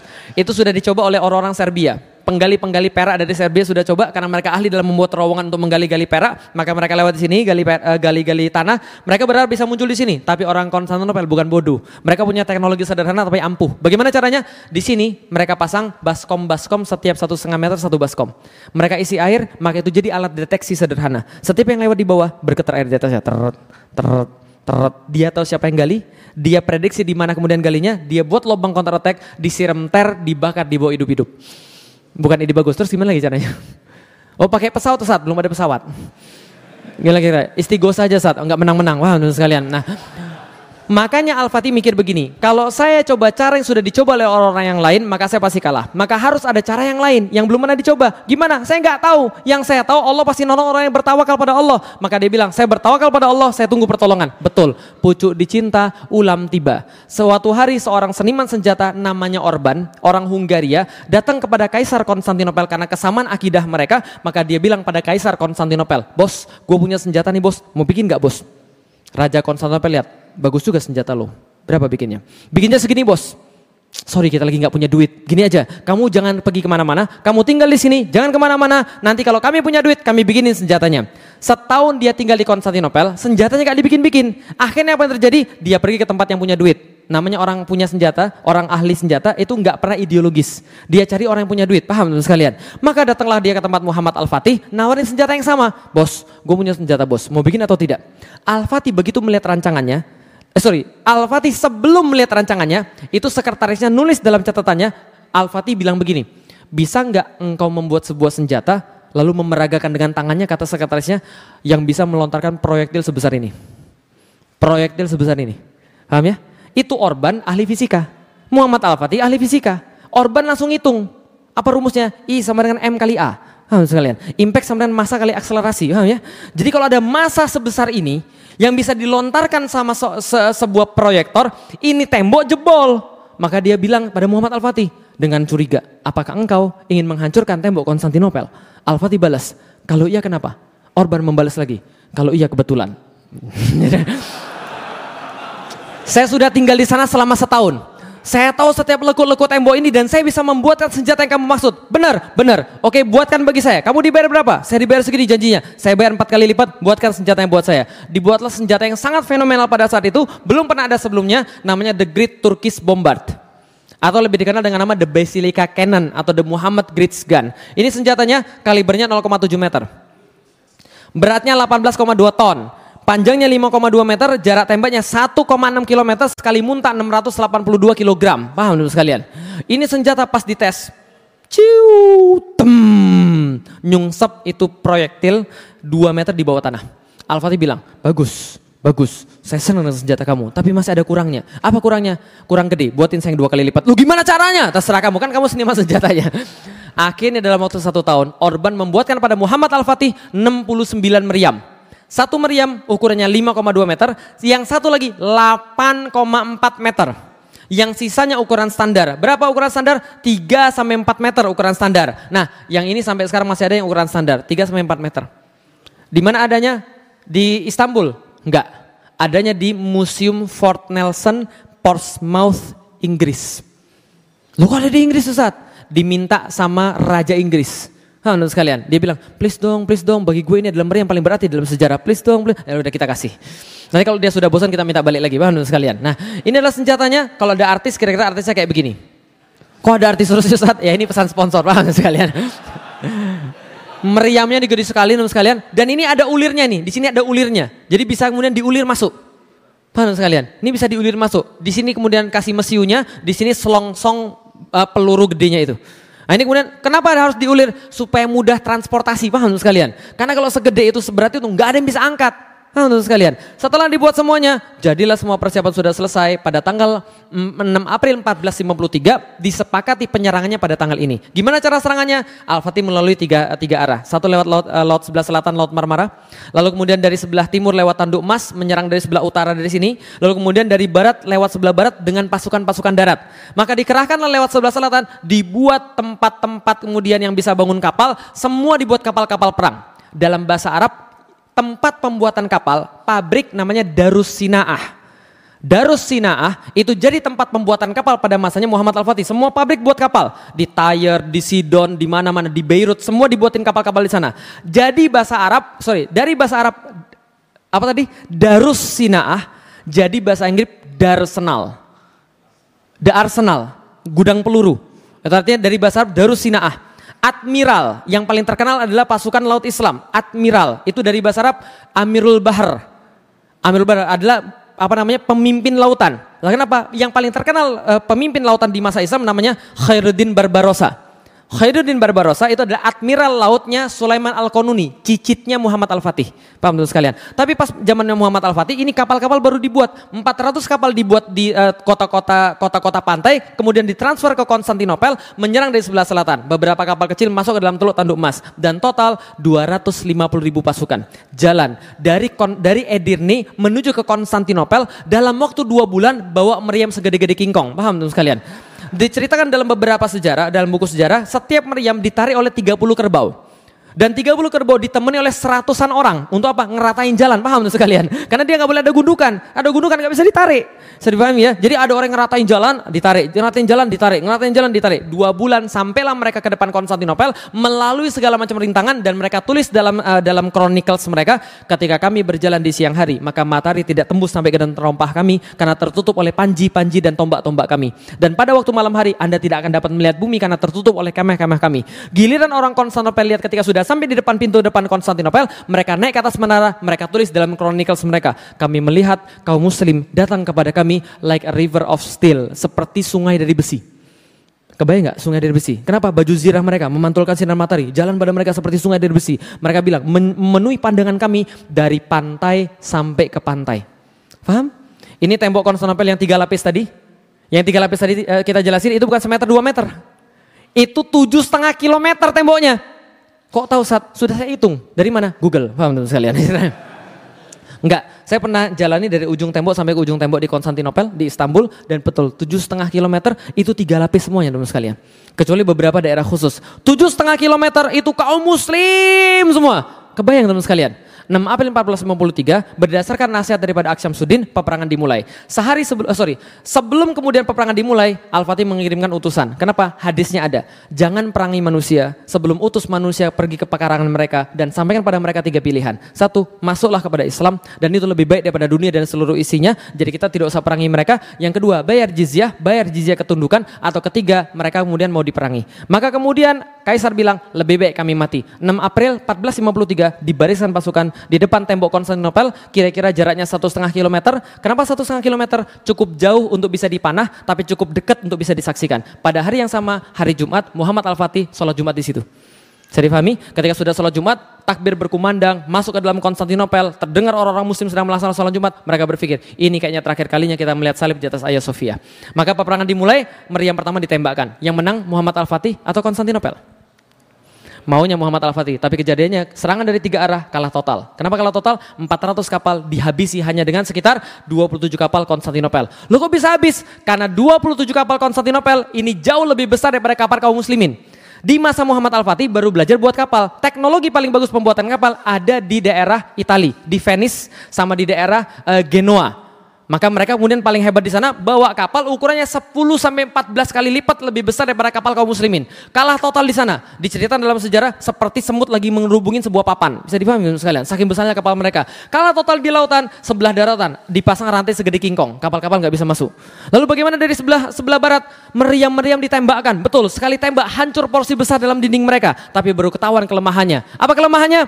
Reloadnya tiga jam sekali. Paham sekalian? Tembak. Oh sebentar jangan diisi dulu lah kenapa? Ini pergesekannya sangat luar biasa panas. Kalau dipasang nanti pecah. Jangan dimin dulu. Udah didimin dulu, pendinginan dulu, cooling down. Kan Tiga jam sekali baru bisa tembak lagi. Bayangkan tujuh setengah kilometer, 69 meriam. 100 meter satu meriam, nggak bisa jebol. Lah kenapa? Jebol ancur semen, jebol ancur semen, tembak ancur semen, tembak ancur semen. Paham teman sekalian? Semua itu nggak terjadi kemudian yang mereka harapkan dari tanggal 6 April 1453 sampai tanggal 20 April 1453, dua minggu mereka di depan tembok, mereka pikir mereka bisa menang, ternyata kalah total temboknya terlalu perkasa bagi mereka. Dari situ yang mereka lihat bukan kemenangan. Apa yang mereka lihat? Mayat-mayat bergelimpangan, kemudian logistik bertambah sedikit, penyakit-penyakit mulai muncul, orang-orang mulai kemudian kehilangan semangat tempur, mulai muncul masa-masa suara-suara sumbang. Tahu suara-suara sumbang? Kalau pernah naik gunung? Pernah naik gunung? Naik gunung tuh paling susah pas di, pas di, pas baru mulai, di tengah atau pas udah mau nyampe.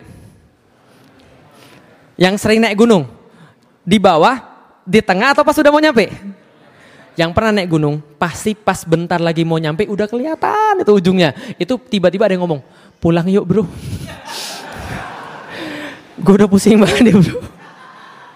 Kayaknya gue gak bisa lanjut lagi nih bro. Pernah gak dengarnya begitu? Banyak sekali, itu pasti ada yang begitu. Ingat baik-baik kalau antum punya proyek besar, atau kalau antum mau hijrah, pas antum baru mau nyampe itu masih ada ujian. Mesti ada ujian. Muncul suara-suara sumbang. Dan biasanya pakai dalil.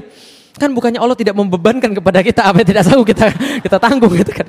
Sama kayak di situ, muncul suara-suara sumbang, pulang aja yuk. Kayaknya kita nggak bakal menang deh. Muhammad Al-Fat ini kurang ajar, masih muda, ambisius, gara-gara dia banyak yang mati, gara-gara dia banyak muda yang meninggal, gara-gara anak muda yang ambisius ini muncul suara-suara sumbang dan Al-Fatih tahu yang paling berbahaya dalam perang bukan kehilangan logistik, bukan kehilangan senjata, tapi kehilangan mental. Maka dia kumpulin seluruh panglima-panglimanya dia rapat. Oke, sampaikan pada saya. Apa pun yang anda mau, sampaikan pada saya. Kita lanjut atau kita pulang nggak ada yang berani ngomong. Lah kenapa? Al-Fatih itu 21 tahun tapi temperamental. Siapa yang kemudian macam-macam itu bisa dihukum sama dia. Gak ada yang berani ngomong. Yang berani ngomong cuma satu orang. Namanya Halil Pasa. Halil Pasa datang pada Muhammad Al-Fatih. Halil Pasa ini penasehat semenjak zaman bapaknya. Sudah eh, sepuh banget, sudah senior. Dia bilang, Muhammad, bukankah saya adalah penasehat dari zaman bapakmu? Iya. Muhammad, saya melihat kamu dari kecil.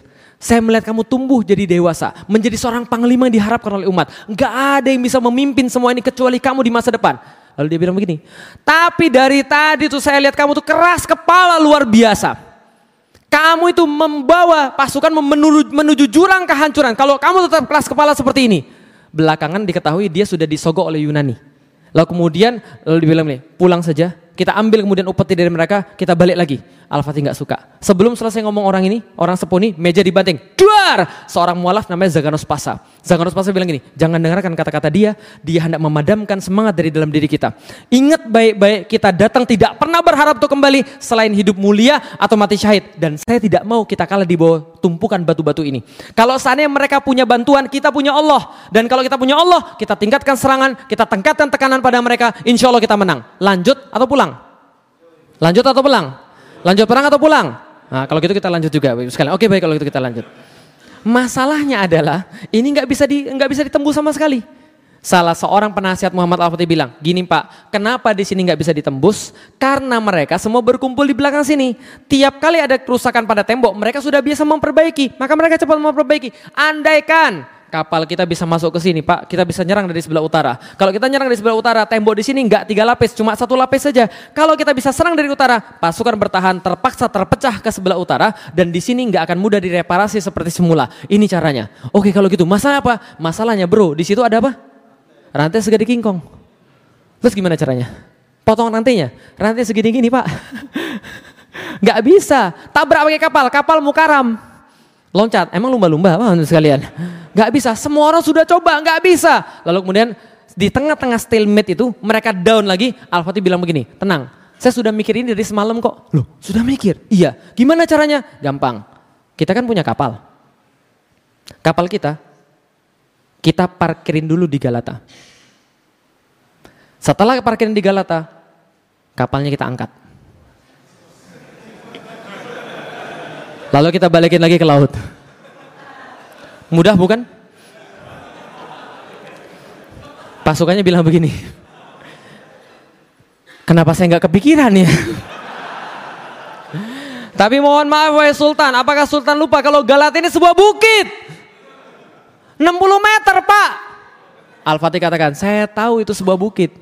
Tapi kalau seandainya Anda saja tidak mengira itu terjadi, apalagi orang-orang Konstantinopel, mereka nggak bakal ngira. Dan Anda harus tahu, Muhammad Rasulullah ketika berperang itu selalu pakai strategi kejutan. Nggak pernah Rasul pakai strategi yang sama kayak orang lain, strategi kejutan. Honda, ketika perang Uhud, perang Badar dan sebagainya, semua strategi kejutan. Nggak ada yang sama. Kalau kita berhasil, kita bisa melakukan. Nggak mungkin Pak, berkatalah Muhammad Al-Fatih tentang satu quotes yang paling terkenal sampai dengan sekarang tentang Muhammad Al-Fatih. Dia bilang ini, jangan bilang pada saya mustahil kalau kamu belum coba. Kalau kamu sudah coba terus kamu mati baru mustahil. Oh enggak itu itu bagian saya, itu tambahan saya. Quotesnya adalah jangan bilang pada saya mustahil kalau kamu belum coba langsung akhirnya disepakati 21 April 1453 disepakati kapal-kapal ditarik dari uh, dari Selat Bosforus menuju pada Teluk Tanduk Mas. Hasilnya apa teman yang terjadi teman sekalian? 22 April 1453 kapal pindah. Berapa? 72 kapal. Pindah dari Selat Bosforus kepada Teluk Tanduk dalam waktu berapa lama? Satu malam. Berapa lama? Satu malam. 22 April 1453 menjelang kemudian sinar matahari kemudian naik, maka orang Konstantinopel kaget kebangun dari tidurnya karena mendengarkan takbir dari atas Bukit Galata. Lalu mereka lari tunggang langgang naik ke atas menara, mereka lihat ke atas Bukit Galata, yang mereka lihat horor. Lah kenapa? Mereka lihat bendera la ilaha illallah Muhammad Rasulullah sudah berkibar di situ. Lihat ke bawah, yang mereka lihat sebuah pemandangan yang merenggut nyali mereka semuanya. Lah kenapa? Kapal-kapal perang berbaris satu persatu masuk dalam wilayah mereka yang mereka kira selama ini paling aman berubah menjadi wilayah paling berbahaya bagi mereka. Maka mereka bilang, Muhammad Al-Fatih orang gila. Lah kenapa?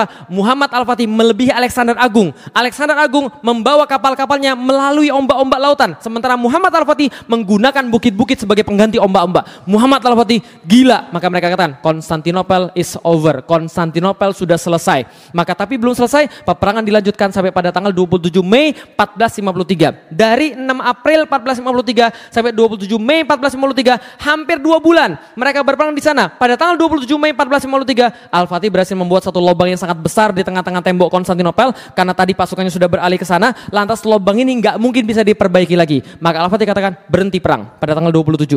Berhenti perang, besok semua berpuasa sunnah. Doa pada Allah.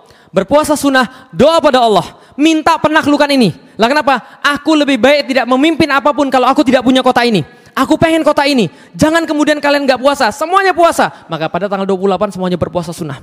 Mereka baca Al-Quran, ulama-ulama turun mengingatkan para para para pasukan tentang kemuliaan jihad visabilillah, tentang bagaimana Abu Ayyub Al Ansori yang Rasul nginep di rumah dia dan dia sengaja datang ke tanah ini untuk menagih janji Rasulullah Sallallahu Alaihi Wasallam. Semua diceritakan tentang itu, khusyuk luar biasa. Tanggal 29 mereka sholat subuh, maaf mereka sholat tahajud. Setelah selesai sholat tahajud jam 2 malam pada saat jam 2 pagi mohon maaf pada saat itu Al-Fatih nah, kemudian naik di atas kudanya kemudian dengan pedang yang lengkap dan dengan baju zirah yang lengkap, dia berkhutbah pada seluruh pasukannya dengan khutbah yang masih tercatat sampai dengan sekarang. Apa khutbahnya? Ini khutbahnya teman sekalian. Seandainya penaklukan kota Konstantinopel sukses, maka sabda Rasul telah menjadi kenyataan dan salah satu mujizatnya kelak akan terbukti. Maka kita akan mendapatkan bagian daripada apa yang menjadi janji daripada hadis ini yaitu kemuliaan dan penghargaan. Oleh karena itu, sampaikan pada pasukan satu persatu kemenangan besar yang segera akan kita capai menambah kemuliaan dan ketinggian Islam saja, bukan ketinggian kita, bukan kemuliaan kita. Yang ini paling penting. Untuk itu, perhatiin baik-baik di garis bawahi, untuk itu wajib bagi setiap pasukan menjadikan syariat selalu di depan mata dia dan jangan sampai ada yang bermaksiat karena Allah tidak akan memberikan kemenangan pada orang yang bermaksiat. Jangan maksiat. Kalau Anda maksiat Allah tahan kemudian pertolongan Allah. Jangan maksiat. Jangan maksiat. Lah kenapa? Jangan mengusir tempat-tempat peribadatan orang. Jangan membunuh para wanita. Disampaikan nasihat-nasihat semuanya. Kemudian disiapkan pasukannya. Jam 2 berperang. Al-Fatih membagi tiga pasukannya. Untuk menyerang Konstantinopel. Yang pertama buat capek. Yang kedua buat capek. Yang ketiga sudah disiapkan beneran. Siapa yang gelombang pertama? Namanya pasukan Azab. Pasukan azab dalam bahasa Indonesia pasukan jomblo, paham teman sekalian? Nah, jadi kalau jomblo di zaman dulu itu pengen cepat mati. Lah kenapa? Hidup terlalu menderita, pengen cepat mati aja, paham teman sekalian? Jadi kalau zaman sekarang nggak mau nikah nikah, nanti kalau seandainya Usma, uh, khilafah sudah tegak, anu jadi pasukan paling depan, paham sekalian? Jomblo-jomblo cepat mati kan? Kenapa? Supaya berakhir penderitaan saya, paham sekalian itu ya. Pasukan azab yang pertama jam 2 sampai jam 4 dibatasi. Jam 4 kemudian setelah kemudian pasukan azab, pasukan yang kedua pasukan sipahi bersenjata bersenjata lengkap, berzirah lengkap, maju ke depan. Mereka buat pasukan capek, tapi tetap nggak menang juga. Jam jam 6 dikeluarkan pasukan yang terakhir. Apa namanya? Inkisaria, Yeniseri, 7000 pasukan tadi yang sudah disiapkan. Pergi kemudian, bismillah pergi. Yang terjadi adalah sebelum matahari bersinar dari sebelah timur, Al-Fatih memenangkan kemudian pertarungan, masuk ke dalam kota, ini tempat masuknya, lalu mengucapkan, Alhamdulillah, semoga Allah merahmati para syuhada, memberikan kemuliaan pada mujahidin, serta kebanggaan dan syukur buat rakyatku. Lalu kemudian dia masuk ke dalam kota, diiringi dengan kemudian gurunya, ini Aksyam Sudin digambarkan seperti ini, dengan kuda putihnya, dengan baju zirah lengkapnya, dengan bendera tauhid, la ilaha illallah Muhammad Rasulullah. Mungkin di sini ada tambahan inna fatahna laka fatham mubina. Ini kemudian bendera Utsmani, warnanya merah dihiasi kemudian dengan dengan uh, kalimat tauhid. Jadi kalau kemudian ada yang teman-teman lihat kemarin aksi ada bendera merah itu, mereka sudah bilang pada saya, kami pengen bawa bendera Utsmani yang warna merah. Monggo silakan saja, agar jangan bawa bendera LGBT aja, Wah, sekalian. Oke. Okay? Nah, kemudian ketika kemudian masuk bendera yang kemudian ke dalam kota, Dengan kudanya masuk ke dalam kota langsung menuju ke Ayah Sofia. Diceritakan dalam sejarah, Al-Fatih menoleh ke kiri dan menoleh ke kanan. Menoleh ke kanan, Masya Allah. Menoleh ke kiri, Masya Allah. Menoleh ke kanan lagi, Masya Allah. Masya Allah, Masya Allah. Dia merasa nggak percaya. Lah kenapa? Bahwa dirinya sudah dipilih menjadi panglima yang terbaik. Lurus kemudian menuju kepada Ayah Sofia. Sampai di depan Ayah Sofia, di jantung kota itu. Kemudian dia turun daripada kudanya, tidak dapat menahan rasanya. Lalu kemudian duduk bersujud ke arah Makkah, melepas sorbannya, mengambil segenggam tanah Konstantinopel, menaburkan ke atas kepala dia. Lalu berkata bahwa dia cuma manusia, dia nggak ada yang lain. Allah yang memberikan penaklukan ini. Masuk ke dalam gereja, kemudian dia temu di sana banyak sekali perempuan-perempuan menangis. Anak-anak menangis. Mereka kira mereka bakal mau dibunuh. Lah kenapa? Ingat 1453 penaklukan Konstantinopel. Di saat yang sama Spanyol direkonquista. Spanyol ditaklukkan kembali oleh orang-orang Spanyol. Maka kemudian orang-orang banyak dibunuh di sana. Orang di sini merasa mereka akan dibalas dibalas dendam lalu dibunuh juga. Al-Fatih katakan, "Tenang, keluar kalian semua daripada gereja." Yang pengen tetap tinggal di kota ini, properti mereka tidak akan diganggu.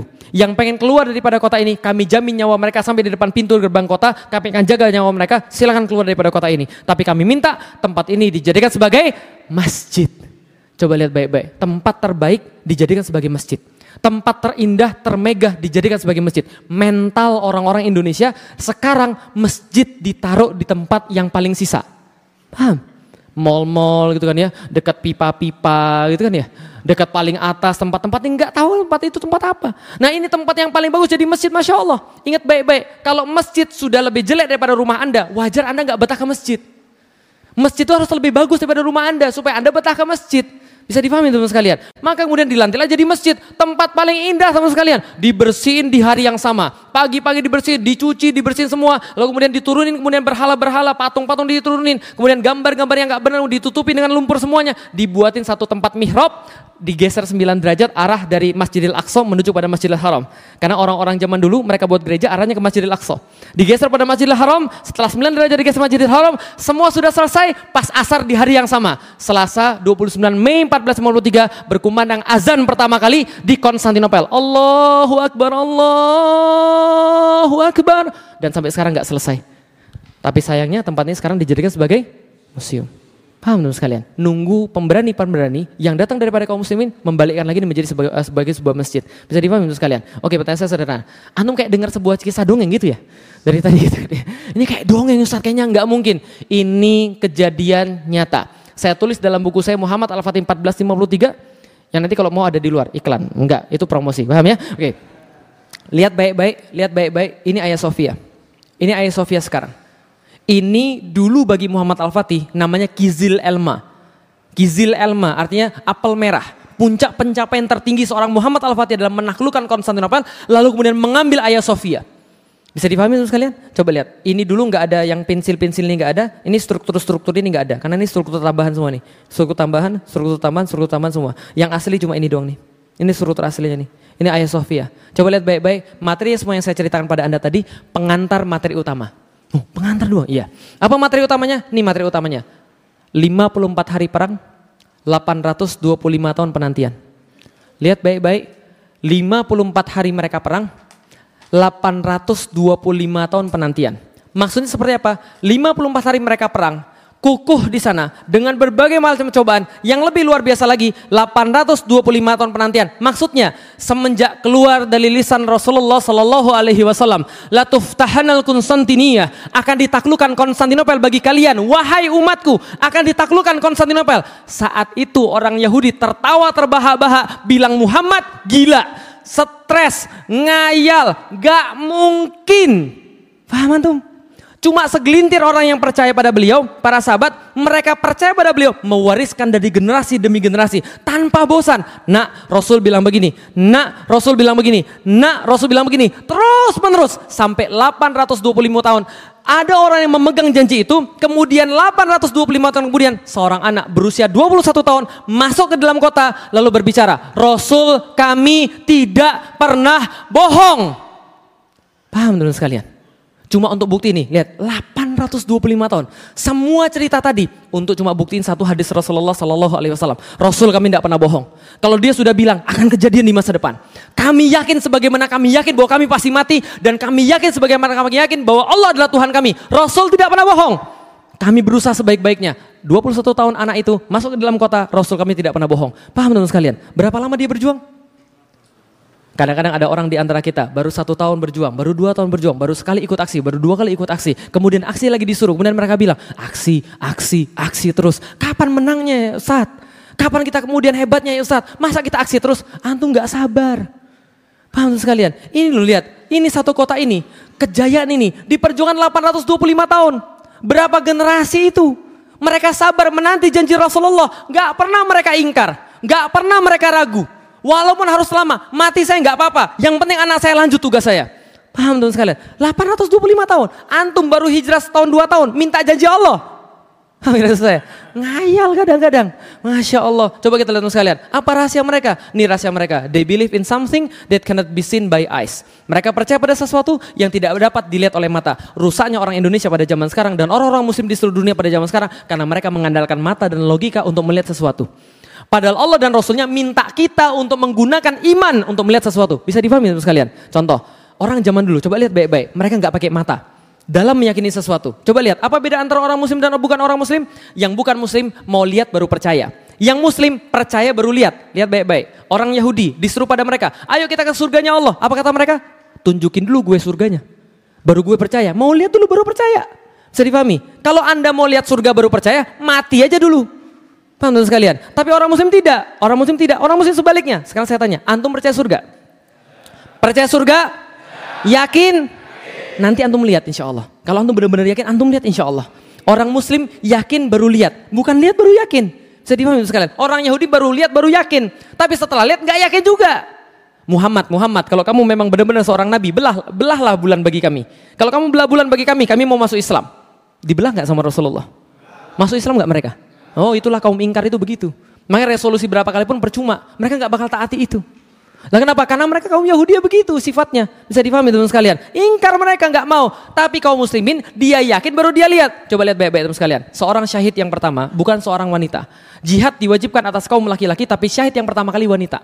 Siapa namanya? Sumayyah ibu-ibu sekalian. Didilah anak-anak kita kayak Sumaya. Sumaya itu kemudian dia, dia dicambuk habis-habisan. Lah kenapa? Karena anaknya Amr bin Yasir bawa orang tuanya uh, Sumaya dan bapaknya Yasir untuk masuk Islam. Mereka berdua masuk Islam bapaknya. Bapak ibunya langsung kemudian disiksa habis-habisan oleh Umayyah bin Khalaf. Yaitu adalah majikannya mereka. Lalu Umayyah bin Khalaf kemudian cemuti habis-habisan, dicambuk habis-habisan. Ayo aku Lata dan mana adalah tuanmu, Lata Uzza mana adalah tuanmu. Suatu saat nggak tahan, diludahi sama Sumaya. Cuh, diludahin. Karena Umayyah bin Khalaf Umar bin Khalaf ketika diludahin, marah besar, ambil tombak, ditusukkan dari dari kemaluannya tembus sampai pada lehernya. Ketika dalam kondisi seperti itu, siksaan seperti itu, orang menyaksikan tapi nggak bisa buat apa-apa. Amr bin Yasir diikat dengan di, di sebuah pohon kurma, nggak bisa buat apa-apa. Bapaknya mau disiksa juga, nggak bisa buat apa-apa. Rasul lewat di depan mereka dalam kondisi siksaan seperti itu. Apa kata Rasulullah Sallallahu Alaihi Wasallam? Sobron ala Yasir, sabar wahai keluarga Yasir Sobron ala yasir fa inna mau idukumul jannah. Sesungguhnya Allah telah menjanjikan pada kalian semua surganya Allah.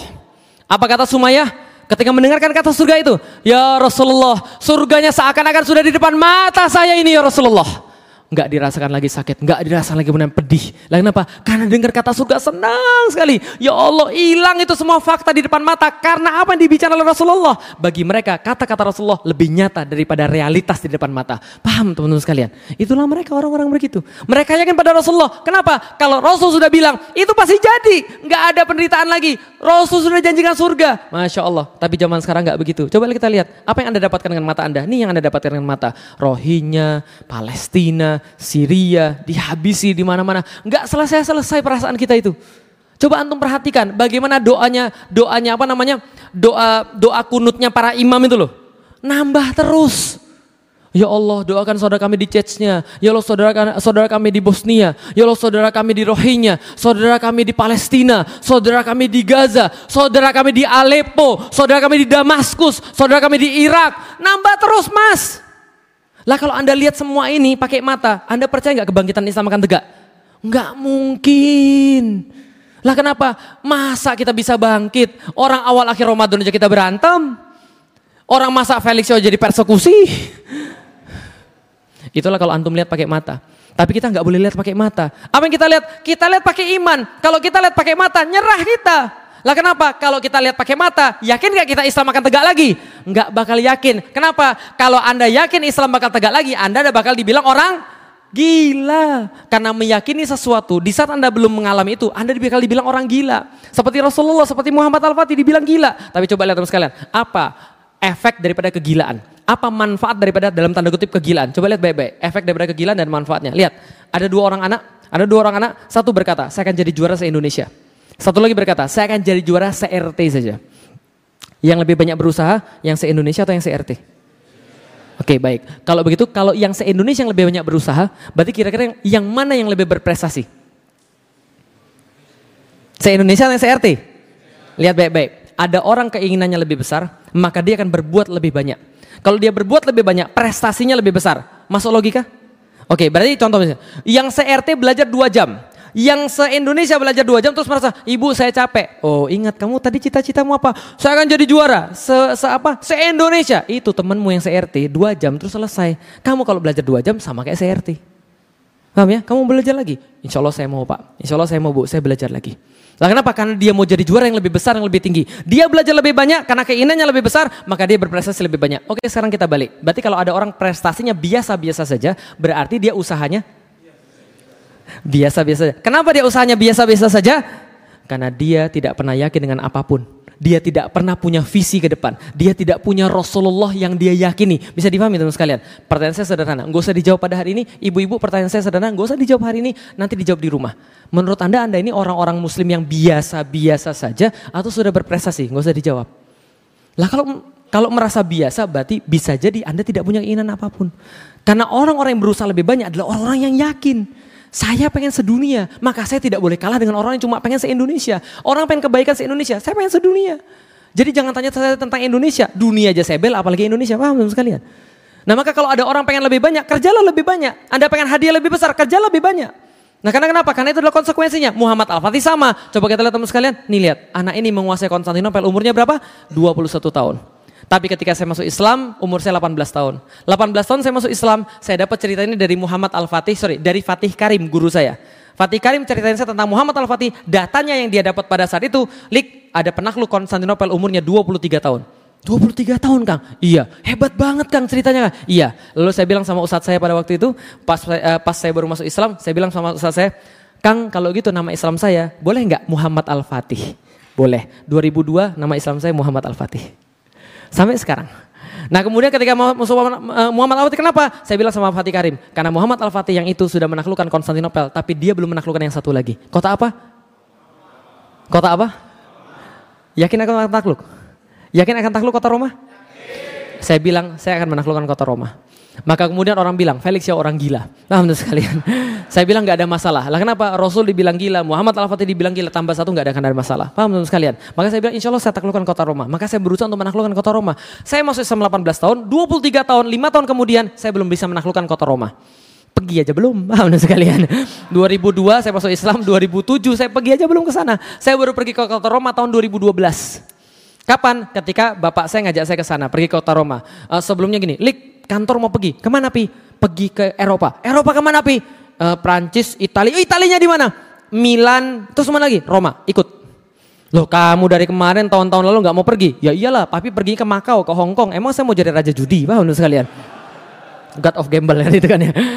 Pergi ke sana, saya ikut. Nah, di tengah jalan ketika saya uh, jalan dari dari dari Paris menuju ke Milan, itu kan perjalanannya panjang sekali, naik darat. Hampir sekitar 8 sampai 10 jam gitu kan ya. Saya maju ke depan bis lalu saya bilang sama semuanya, itu satu bis ada 35 orang, 9 orang muslim, yang lainnya orang Cina, bukan muslim, gitu kan ya. Teman-teman bapak saya semua, kolega-kolega bapak saya. Saya maju ke depan lalu saya bilang, saya seorang pembicara, saya bilang dan perkenalkan, kalau saya diperkenalkan bicara, saya mau cerita tentang sejarah Eropa. Boleh atau tidak? Boleh, semuanya bilang. Saya cerita sejarah Eropa dari zaman dewa-dewa gitu kan ya Yunani, Romawi dan seterusnya. Saya cerita sejarah semua sampai penaklukan Konstantinopel. Setelah saya cerita penaklukan Konstantinopel, saya bilang gini. Nah, sekarang Anda terjawab pertanyaan Anda. Kenapa saya sekarang mau ikut? Tahun-tahun kemarin saya nggak mau ikut. Kenapa? Karena saya mau survei ke Roma.